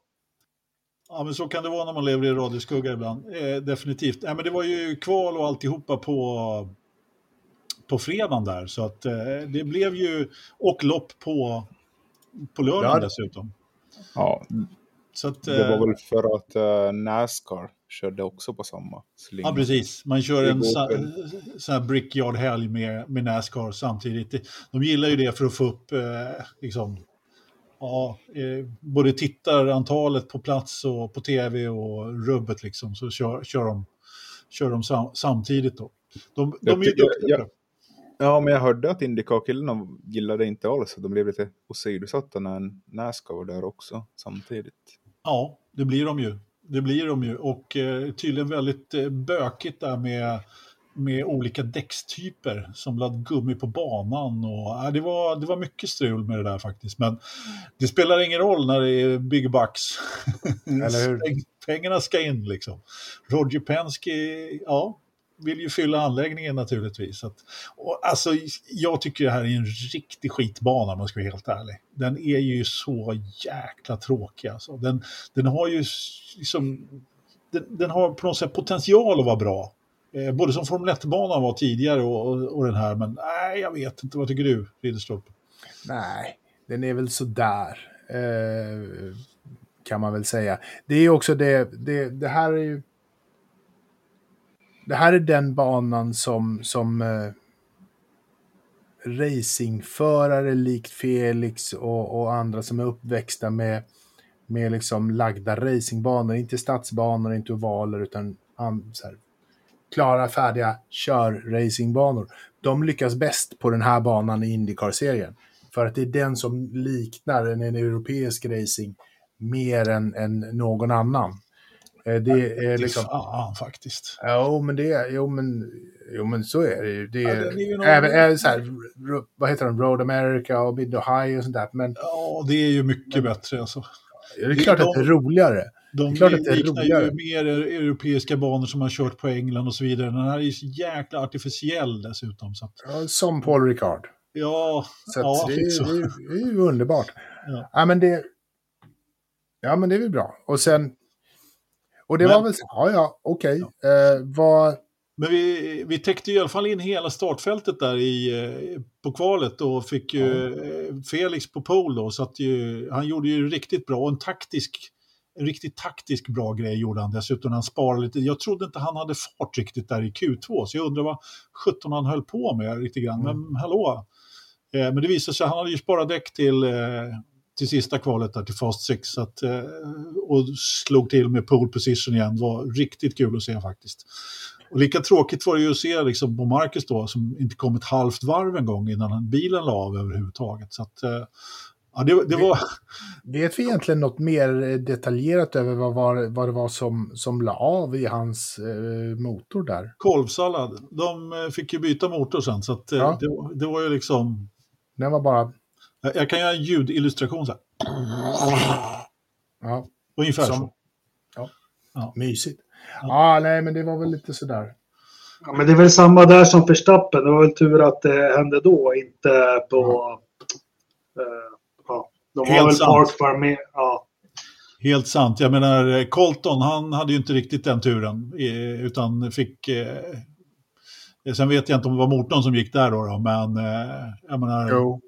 Dra från ledning då i, i loppet. Liksom. Det är tyvärr inte första gången. Colton är ju lite en Leclerc när det gäller Indycar. Alltså det är värsta oflytet kan man ju säga. Ja, men jag funderar också lite grann på det där. Liksom. Eh, hur mycket oflyt är det? Och hur, liksom, det är ju bara hans bil som går sönder. Då, då, då börjar man ju bli lite konspiratorisk nästan sådär. Liksom. Alltså, dessutom så har jag gjort egna misstag, precis som du säger. Det är klar Leclerc-varning på, på Colton mm. faktiskt. Men... Ja. Mm.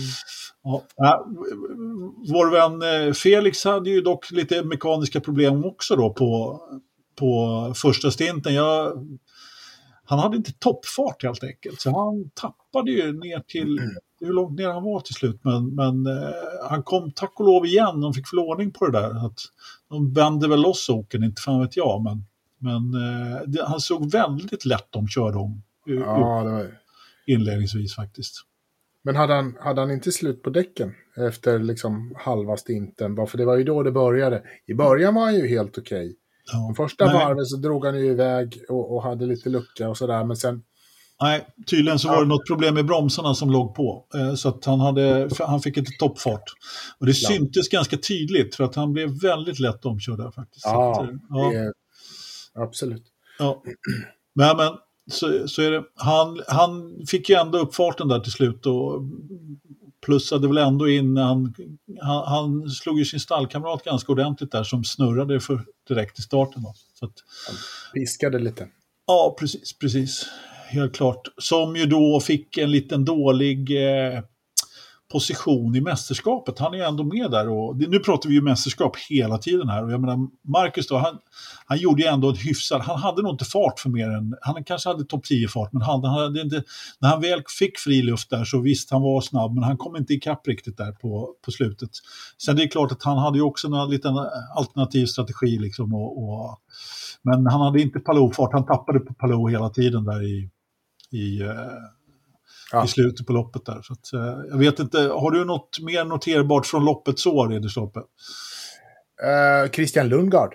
Just det, just det. honom måste vi pr prata om. Ju... Han gjorde sin debu debut på banan förra året när han var magsjuk och gjorde ett bra jobb då, men alltså nu var han ju helt felfri. Ja, dunderbra. Riktigt bra jobbat. Både han och, och teamkollegan Ray, eh, Graham Rael hade ju bra bilar, uppenbarligen. Ja, så att, Eh, men, riktigt bra jobbat av, av Christian Lundgren där måste man ju säga. Det är en liten fjäder i hatten till, till resultatet. Bra jobbat. Vad, vad säger du Kristoffer? Du ser ut som du håller på att somna.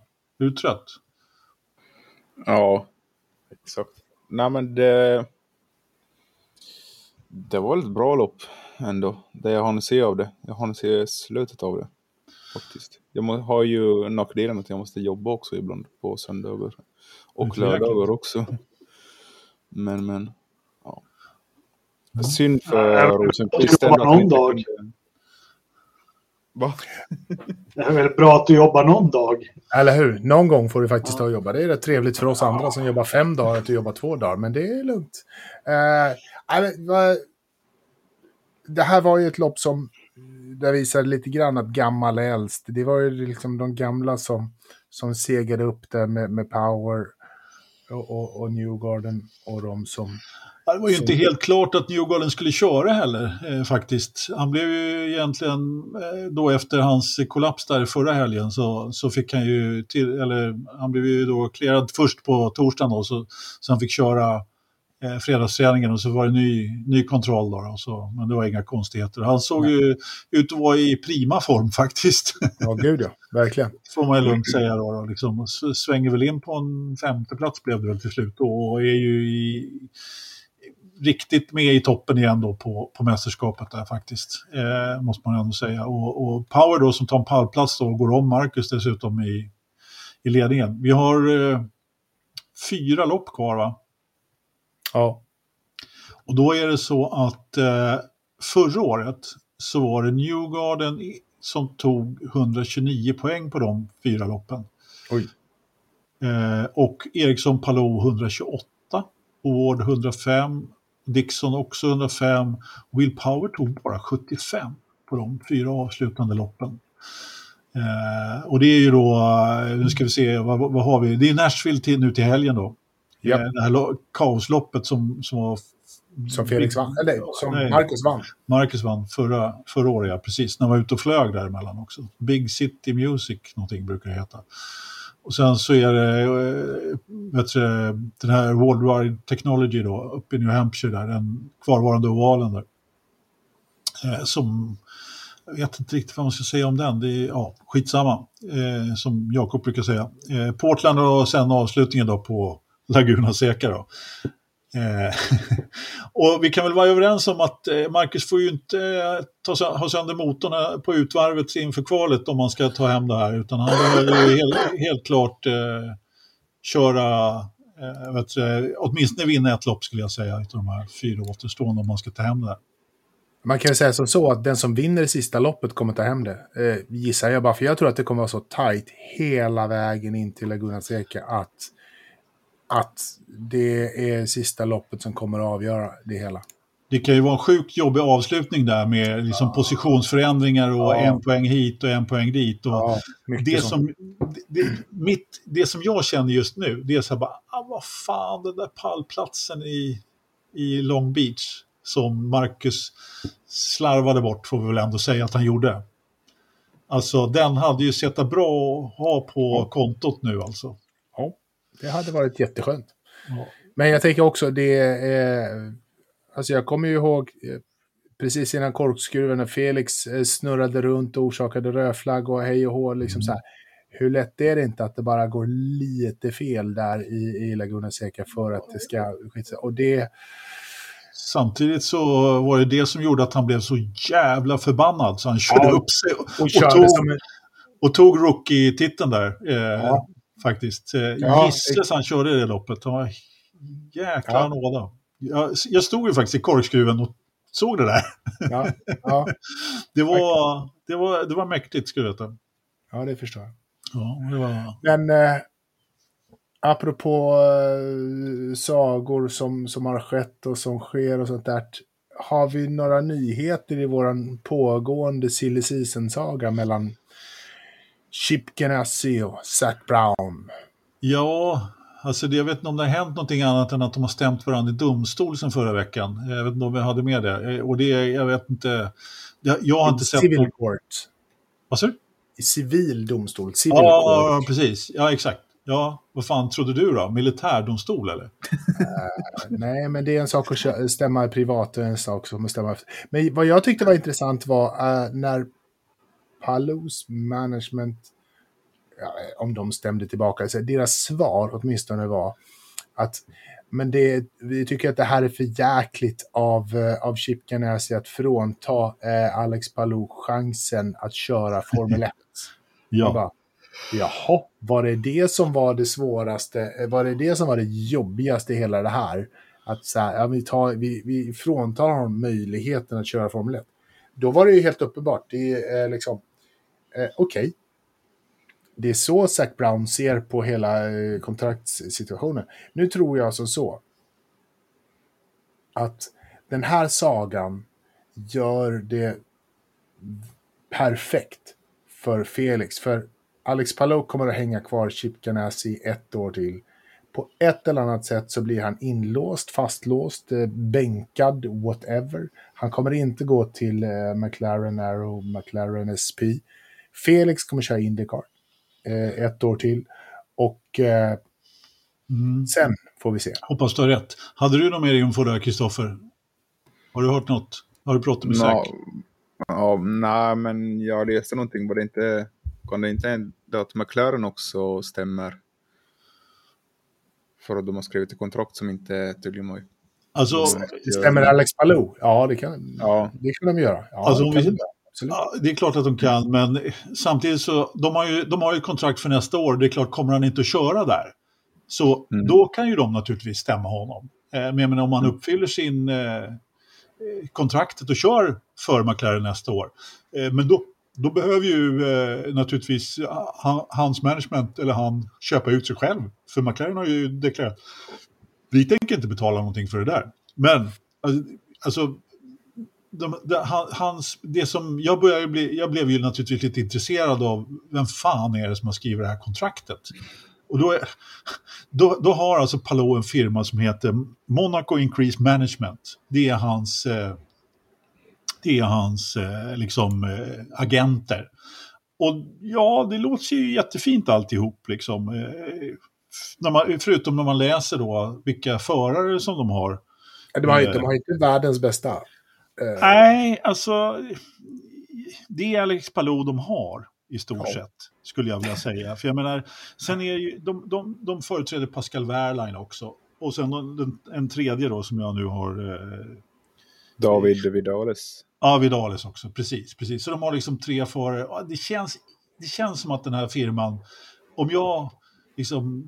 Det, det, känns som att de kanske inte kommer att finnas kvar så länge till, skulle jag tro. Liksom. Att de kanske går i lite konkurs eller någonting i den stilen. Ja, lite bekvämt sådär. Ja, eh, alltså det känns inte ja. helt stabilt om vi säger så. Liksom. För att de, det, det kommer att kosta dem eh, rejält. Alltså.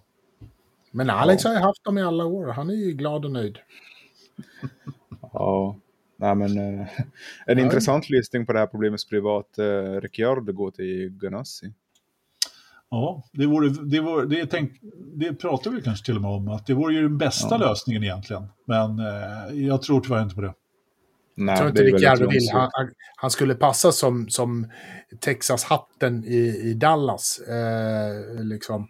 Men eh, jag tror inte han vill köra Indycar. Han skulle tycka att det, han är nog inte färdig med Formel 1 än ändå.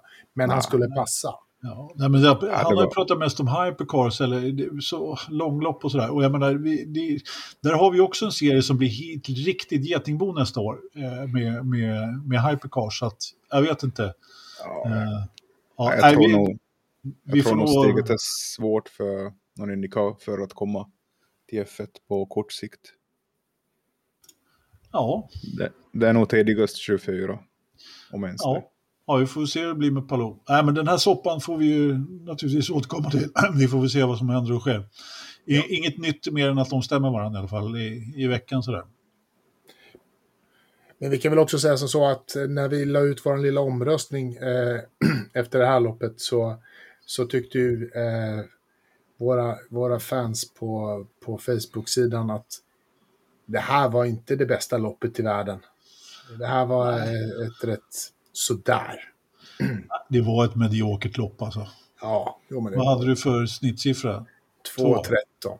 2.13, ja precis. Ja. Och det var inte ja. jättemycket gulflaggor som stökar till och sådär. Nej. Så att, äh. Men du, det var någonting intressant som jag såg. Newgarden, han fick ju helt plötsligt flytta tillbaka två platser i, eh, Just det. i, i, där, i, i mitt... Vet ni vad det var för? Berätta. Track limits. Just det. Det, har jag, det var länge sedan man såg Indycar faktiskt, eh, måste jag säga. Han måste ju ha varit mitt på gräsmattan då i stort sett och kört om. Liksom. Ja, men han, han körde lite golfbana där samtidigt. Han, de har ju fyra hål där i mitten som man kan köra. Så han, han, tog lite golf och så gick han vidare. Men han, ja. han spelade på Livtouren eh, eh, istället för P, PGA. Så att, eh, därför blev han lite bestraffad. De gillar inte sånt där. Nej. Nej, precis. precis. Ja, ja, bra. Är vi färdiga med Indycar? Det var ju kul ändå att Rossi fick vinna en gång. Ja, visst fan. Vi skulle prata Rossi också. Ja, det var jätteroligt. Åh, vad kul det var. ja, men det var kul. Jag gillar... Ja, men jag, ja, men jag, jag gillar, jag gillar Rossi faktiskt. Uh, det är inte som när, ja, Power vinner. Inge, ingenting emot Rossi, men det här var Colton Hurtas seger. Fast den förlorade han av eget bevåg. Nej, det var bilfan som gick sönder. Han är, kan, det är svårt att skylla honom för det där. Jag tyckte lite synd om honom faktiskt. Helt klart. Och dessutom är det så att eh, han är ju, nu är inte Rossi heller med i titelfighten, va? men hade, hade det varit en gubbe till där uppe så hade plockat poäng av dem där uppe så hade det inte gjort någonting heller. Så.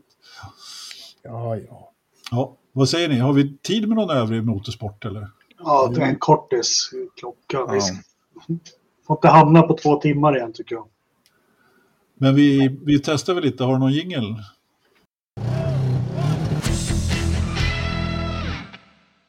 Övrig motorsport. F2, F3, World Series, Formula E. Joel Adino. Så take it away Lövström. W-series. Ja. ja, vad hände där? Ja, vad hände där egentligen, Kristoffer? Ja, vad hände? Hon vann inte. du? Ja, Emma Kimlänen vann inte. Nej, Emma vann definitivt inte. Vi kan säga så här, att, att hon vann inte. Jag, jag, såg att hon inte vann. Hon, hon körde in i någon annan.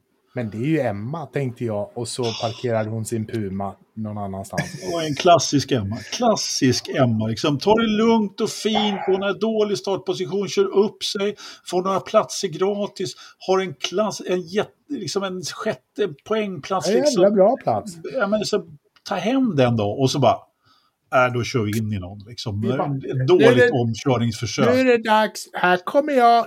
Ja, men typ. Ja, äsch. Jag, jag, jag gillade din kvinnoröst, Christian. Det var Jag har jobbat Precis på det. Som, jag, jag övat. Det var identiskt med Emma, hur hon låter. Ja, men det, det, är svårt, ja, alltså, det är svårt att hålla på Emma Kimmelainen i, i W-series. Det är det faktiskt. Va? Hon bjuder på underhållningen i alla fall. Åh, fast det är ingen bra underhållning alltså. Det är, det är lättare tråd. att hålla på Jamie Chadwick, eh, om man skulle jag säga. Nu gör inte jag det, men eh, hon, vann, hon, hon vann inte för en gångs skull. Exakt. Ja, Men startade hon i Polens? Ja, hon startade lite längre bak, helt enkelt. Ja, det, ja. det, var ju lite naturligtvis förhållanden där också. Det var, Ungern är ju ändå Ungern och hela det kittet. Så det var väl bra att Alice Powell fick vinna lite också. Ja, en gång i alla fall. sen uh, september förra året på Sandvort. Ja, mm. precis. Helt klart. Nej, men det, det, alltså, jag har sagt det förut, in med henne i F3 så vi får se vad hon går för. Det kan inte hålla på och vinna W-series, så enkelt är det. Nej, det ska, hon ska bara in i en, yep. en, i en vettig serie. Yep, yep, Absolut. Ja. Det är hon värd. Jag, jag pratade lite med några förare i supportpaddocken igår, uh, i lördags. Och ja, jag frågade lite liksom vad de tycker om det här V-series. För det är ju lite ja, vi har sagt det här flera gånger, men det är lite dumt att liksom, de får betalt, de får vara med i F1-TV, de får springa runt i F1-paddocken. Ingenting av de får ju F2 eller F3-förarna De är ju liksom, ja, är det jämställdhet då? Om, när de, vi ser det ska gräddfil på något sätt. Nåja, de är helt klart värda lite uppmärksamhet och att få det i F1-TV, att de får... Eh, Nej, men de är, de sänd, det sänds inte efter F1-TV. Nej, men de får ju vara med där som... Vad gör det då? Vad, vad, ja, men vadå? Det är, ja, du tänker har... att de är med som reportrar i, och ja, stå i en kurva och prata lite? Men det spelar väl ja, ingen roll? Det är väl bra att promota kvinnliga racerförare. Det här ska ju vara en språngbräda för kvinnliga racerförare, men det är ju ingen språngbräda. Det är ju det som är problemet. Men problemet har ju varit att det inte har funnits liksom underlag för kvinnor att, att komma in i, i motorsporten och framförallt inte då liksom Ja, det är några få som har liksom kommit upp i FT. Ja, men då, då behöver man ju en sån här språngbrädeserie. Jag, jag gillade det egentligen inte från början, men ja, men om det inte är en språngbrädeserie, då har den ju förlorat sin, sin vits. Liksom. Ja. Som du säger, de får betalt. Och, och liksom, men kan du liksom inte komma vidare? Det är ju samma sak som Indy Lights har ju tidigare också tappat sin liksom språngbräda lite grann in i Indycar när de plockar alla förarna från F2 istället. Så att, eh, ja, det, det, det har blivit lite, lite kors där. I, jag, jag hoppas verkligen ja. att, att man kan få till språngbrädan för W-serie så att finansiärerna håller ut. Men, men det ser inte bra ut, det gör det inte. Nej, de måste ju få till det. De måste ju göra det de sa att de skulle göra. Liksom. Och det, och det enda sättet att visa på det är att få, få Jamie eh, till en, en annan serie helt enkelt. Hon ska inte vara kvar där. Nej, hon ska definitivt ja. inte vara kvar där. Men hörni, vi måste hon, prata hon, lite... Hon, hon leder ju nu med 75 poäng. Det är nästan ja. lika stort som Verstappens 80 poäng. Ja, men precis. Hon är helt överlägsen. Ja. En som inte led, leder med lika mycket, det är, är Drugovic. Men eh, ska vi ta F3 först, Kristoffer? Eh, ja, helt hur du vill. Eh, ja, men, eh, ja, men vi tar Åsnebryggan in på Drugovic där som tappar sin ledning ganska ordentligt i eh, helgen i F2. Eh, jag trodde han hade, skulle åka hem det här nu, men han tog ju bara någon pinne liksom på och det var ju också ganska besvärliga förhållanden och däck, han gick in tidigt där för, i future, feature racet för att, för att byta och de höll ju inte riktigt hela vägen där så att han blev en sittande anka på slutet där och eh, så tog ju då, nu höll jag på att säga Piastri, men eh, Pocher tog ju dessutom segern där i feature-loppet. Så, och, och, och knappa in lite på, på Drugovic. Vad tror du, klarar han eh, Pocher att ta hem segern? Uh, I VM eller? I mästerskapet, ja. Uh, ja, det beror lite på MP Motorsport och sådär. Han har inte kvalat lika bra nu som början på säsongen också. Nu är det ju i Vasa som börjar Riktigt det är bra fart. kungen där. Verkligen, verkligen. Riktigt bra fart. Men han, eh, han tappar några positioner i starten där. Det får man inte göra om man, om man ska vinna det där. Nej, det är sant. Men, men ja. Ja, men vi jobbar vidare med eh, F2-mästerskapet. F3 då? Jag hann inte se så mycket F3 faktiskt. Jaha. Jag missade eh, söndagsloppet, eller jag, jag kommer inte ihåg. Uh, vad, vad, vad är du ute och byggde då? Han bygger en altan. Bygger du liksom en liten pool där bredvid altanen? Nej, poolen är klar faktiskt. Men, men... ja, är, det, är det ett utekök med bar som är på gång? Ja. Nej, problemet var väl kanske att jag hade druckit upp baren kvällen innan. Så att jag var lite ah. ja. Men Kristoffer, ja. vad hände? Ja, men alltså både efter racen så var ju blöta förhållanden. Mm. Så det blev ju en liten krydda helt klart. Men äh, ja, Carlo Colette, inte någon riktigt som namnstark förare för MP Motorsport, vann sprintracet framför Franco Colapinto och Kushmaini. Så ja, inte så namnstarka namn, men de passar väl på i regnet. Och ja. lite omsvängd startgrid och för det var en krasch i början också av sprintloppet och sen på slutet också så du du får ju inte så många tävlingsvarv då i slutändan på ett sprintlopp om det kommer två safety car. Nej, men Bernt hade ju lite att jobba med där, helt klart. Hur gick det för vår finska mm. vän då? Finsk-etiopiska vän? Ah, han var helt slagen. Han var inte alls nöjd med insatsen. Han var inte det? Och det liksom, och det liksom sket sig redan i kvalet därför det kom ju lite... Det blev lite märkligt där på slutet på kvalet. De startade ju om med bara några minuter kvar. Så det var det här klassiska att man ska hinna värma däcken ett varv runt och ja. sen hinna värma mållinjen. Det var ju många favoriter då som inte lyckades göra en kvaltid då tillräckligt. Men det är ju lite det efter om du inte lyckas kvala i, i topp 10 eller 15 så är det ju liksom det är svårt att hämta in det sen under helgen. Väldigt svårt. Väldigt svårt. Det är så stort fält och väldigt jämnt dessutom. Så att... Ja. I feature racet vann Alexander Smoljor för MP Motorsport. Mm. Så, ja. Härligt. Vi ordar inte mer om det utan går in på Formel E istället. Det var ju en fantastisk tillställning, eller hur Jakob? London i Grand Prix. Ah, körde, de i, körde de i London? Okej. Okay. Ja, i en jäkla tunnel brukar de köra där dessutom. Eh, mm. Jag hade gärna sett eh, lite ostabilare väder. För en gång skulle det vara stabilt i London. Jag menar, det vore ju kul om det regnade på, på ena halvan av banan men inte på andra halvan som man kör inomhus. Liksom. Det, Det hade jag tyckt var lite kul faktiskt. Men, nej, det var dubbelseger där för... Eh, vem fan var det som vann? Ja, herregud. Vem vann Den, egentligen? Jake Grassi vann tvåan. Ja. Ja, Eh. okej. Mm, ja, det var rörigt i alla fall. Det var, eh, alltså jag, jag måste säga det att eh, det var ing, inget... Såg du loppen, eh, Kristoffer? Nej, jag har inte hunnit se dem ännu. Nej, jag såg dem också i efterhand och det var, nej, det var, det, visst det var stökigt men ja. Det enda man kan säga är egentligen att eh, den, den tänkta titelkommandanten Evans där, Mitch Evans i Jaguar, han eh, fick ju fel, på, han gjorde ju en Colton Hurta där. Och är väl egentligen borta från täten där nu då. Så att, vi får väl se. Ja, Stoffel Van Dorn, en förare av rang ser det ut att kunna ta Ja. hem den med två, med två lopp Ja. kvar.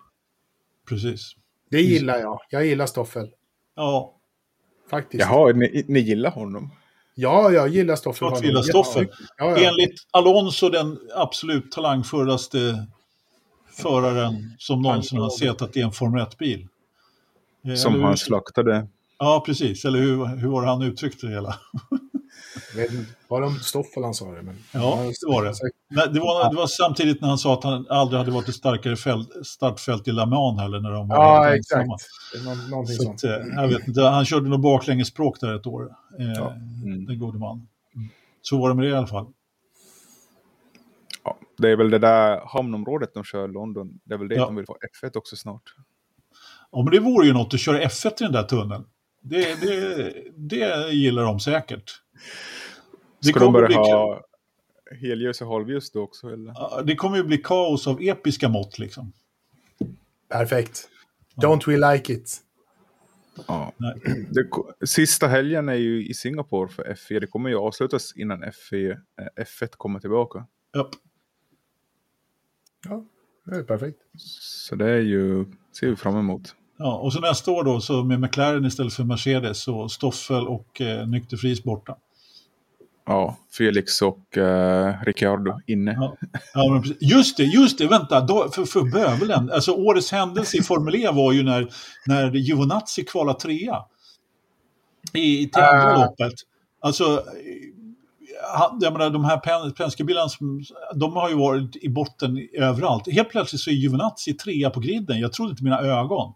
Han tar starten och han klarar det där. Han är rätt tuff faktiskt och, och liksom fäktar bort några stycken. Och så kommer det då några varv senare bara Eh, nej, ni har använt eh, så här många kilowatt för mycket i bilen så det är drive-through. så den dagen förstörd. Jag satt fan nästan och hejade lite grann på Giovinazzi där bara för att jag tyckte att det skulle vara kul att han... Mm. Ja, äh, den där typen av eh, fel får man ju liksom inte ha. Förklara bara en sak när jag har försökt kolla lite på Formel 1. Vad är det här jävla attack mode när man kör i... Push Ja, men- det? Ja, men det är ju, det är ju liksom som får x antal hästar extra. Istället för att trycka på en Ja, knapp men då ska du åka ytterrökare. på ratten så det, måste du köra liksom ytterspår, ja precis. Exakt. Eh, Ja, coolt. Ja, ja. ja. Riktigt coolt. Eller, eller inte. Eller inte. Ja, men jag tycker det var intressant. Man har ju en sån här power limit för att e-prick så mycket man får använda. Men i London så höjer man ju den där gränsen jämfört med alla andra lopp. Någonting sånt. Så det blir ju... Eh, visst Anders? Ja, ja, ja, ja, ja, ja absolut. Ja, exakt. Och jag, jag förstår inte varför. Och då, då är det klart Ja. att, att det blir ju liksom en parameter att ta hänsyn till. Och då var det ett stall som inte hade koll på det. Och självklart var det då Penske då med Giovinazzi. Liksom. Amerikanerna körde full spätta då. Ja, ja, men precis. Ja, vad fan, ge dem så mycket kraft de vill ha. Så får de väl så, åka så länge batteriet håller. Herregud, hålla på med sådana här. Ja. Ja. jag blir så trött på det. Ja, och när... Jag vet inte, Rosenqvist och Ricardo ska inte dit, tror jag. Det, det var Nej. på skämt om någon trodde på mig. Ja, nej. Nej, det ska de inte. Dra på en jingel nu så vi blir klara med det här någon gång. Ja, tack.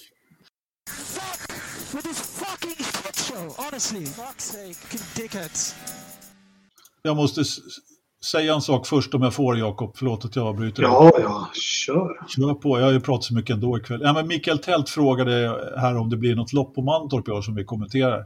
Eh, det vet vi inte, kan vi svara då redan nu.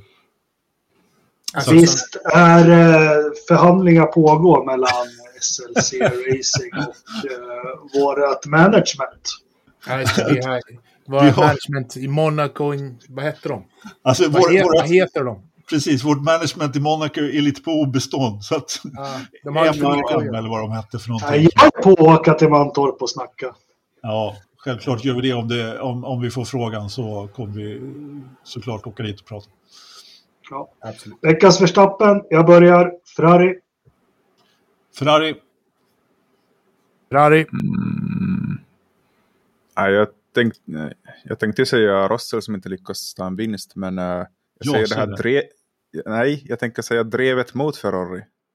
Det är veckans Verstappen. Ja, schysst. Ja, Ja, drevet ja, mot ja. Ferrari. drevet. Vad fan, de, Mm. de, ska ju ha ett drev. Nej.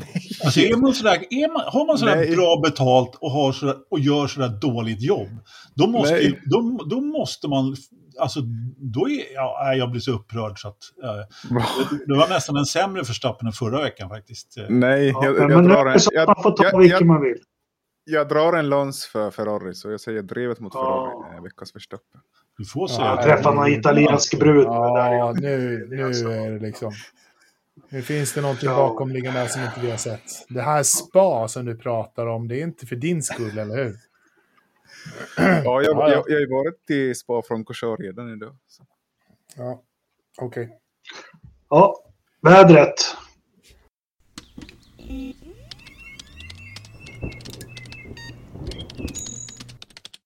Det roliga med den där gingen det är ju att jag tror väderstationen låter sådär faktiskt. Förmodligen. Men det är, det är 8,2 grader utomhus i Grövelsjön. Ja, Dubbel- sommaren är borta. Mm. Dagpunkten ligger på 4,8 och det är 20,6 i köket. Så vad har vi i datorn? Hur många grader är asfalten? nu? Helt ointressant det här. Jaha. Ja, Du faktiskt. kan få veta hur mycket regn det har kommit den här månaden. Fast det är ju bara första dagen. Ja. Eller hur? Hur mycket regn har det kommit idag? Noll gissar jag på. Ja. Men jag, jag måste veta häst, hästkrafterna. Ja, 1012,7. Ja, rätt högtryck ändå, fast det är så pass kallt. Ja, men jag gissar på, det, jag tror att det är kallt. Eh, 12,7. 14,3. Uh, 15. Komma. Ja, ni är nära allihopa. Det är 14,8 grader. Så ligger det till. Ja, ja. Hörrni, det finns några dagar att anmäla sig till Forsaloppet. Eh, vi ses på lördag hoppas jag. Eh, så många som möjligt. Om inte annat så hörs vi på måndag igen. Och vi, vi tackar våra patrons, vi tackar våra lyssnare.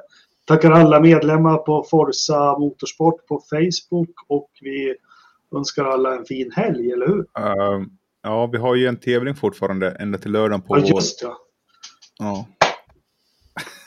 Det kommer lite mera deltagare nu sen förra veckan. Men eh, det finns fortfarande plats. Dela, tagga och screenshotta och Ja, precis. TikToka. Nej, hur var det nu? Säg, säg för vi har en ganska gammal målgrupp här, en äldre målgrupp. Ja, gå in på vår eh, Instagram-sida eller Facebook-sida. Så finns det ett inlogg fastnålat högst upp på den. Med en bild på Forsaloppet. Och där ska du kommentera och tagga en vän som ska börja lyssna på Forsa-podden. För vi vill ha någon lyssnare till. Ja, Det vore fint faktiskt. Det, om vi dubblade lyssnarskalan, det vore kul. nu är jag hungrig. Bra, glöm inte. Järfälla på lördag. Eh, Järfälla Yes. på lördag. Kom i tid. Efterfest i Toulange. alltid. Tack ska ni ha. Tack, vi hörs. Hej då. Ha det gott. Hej, hej.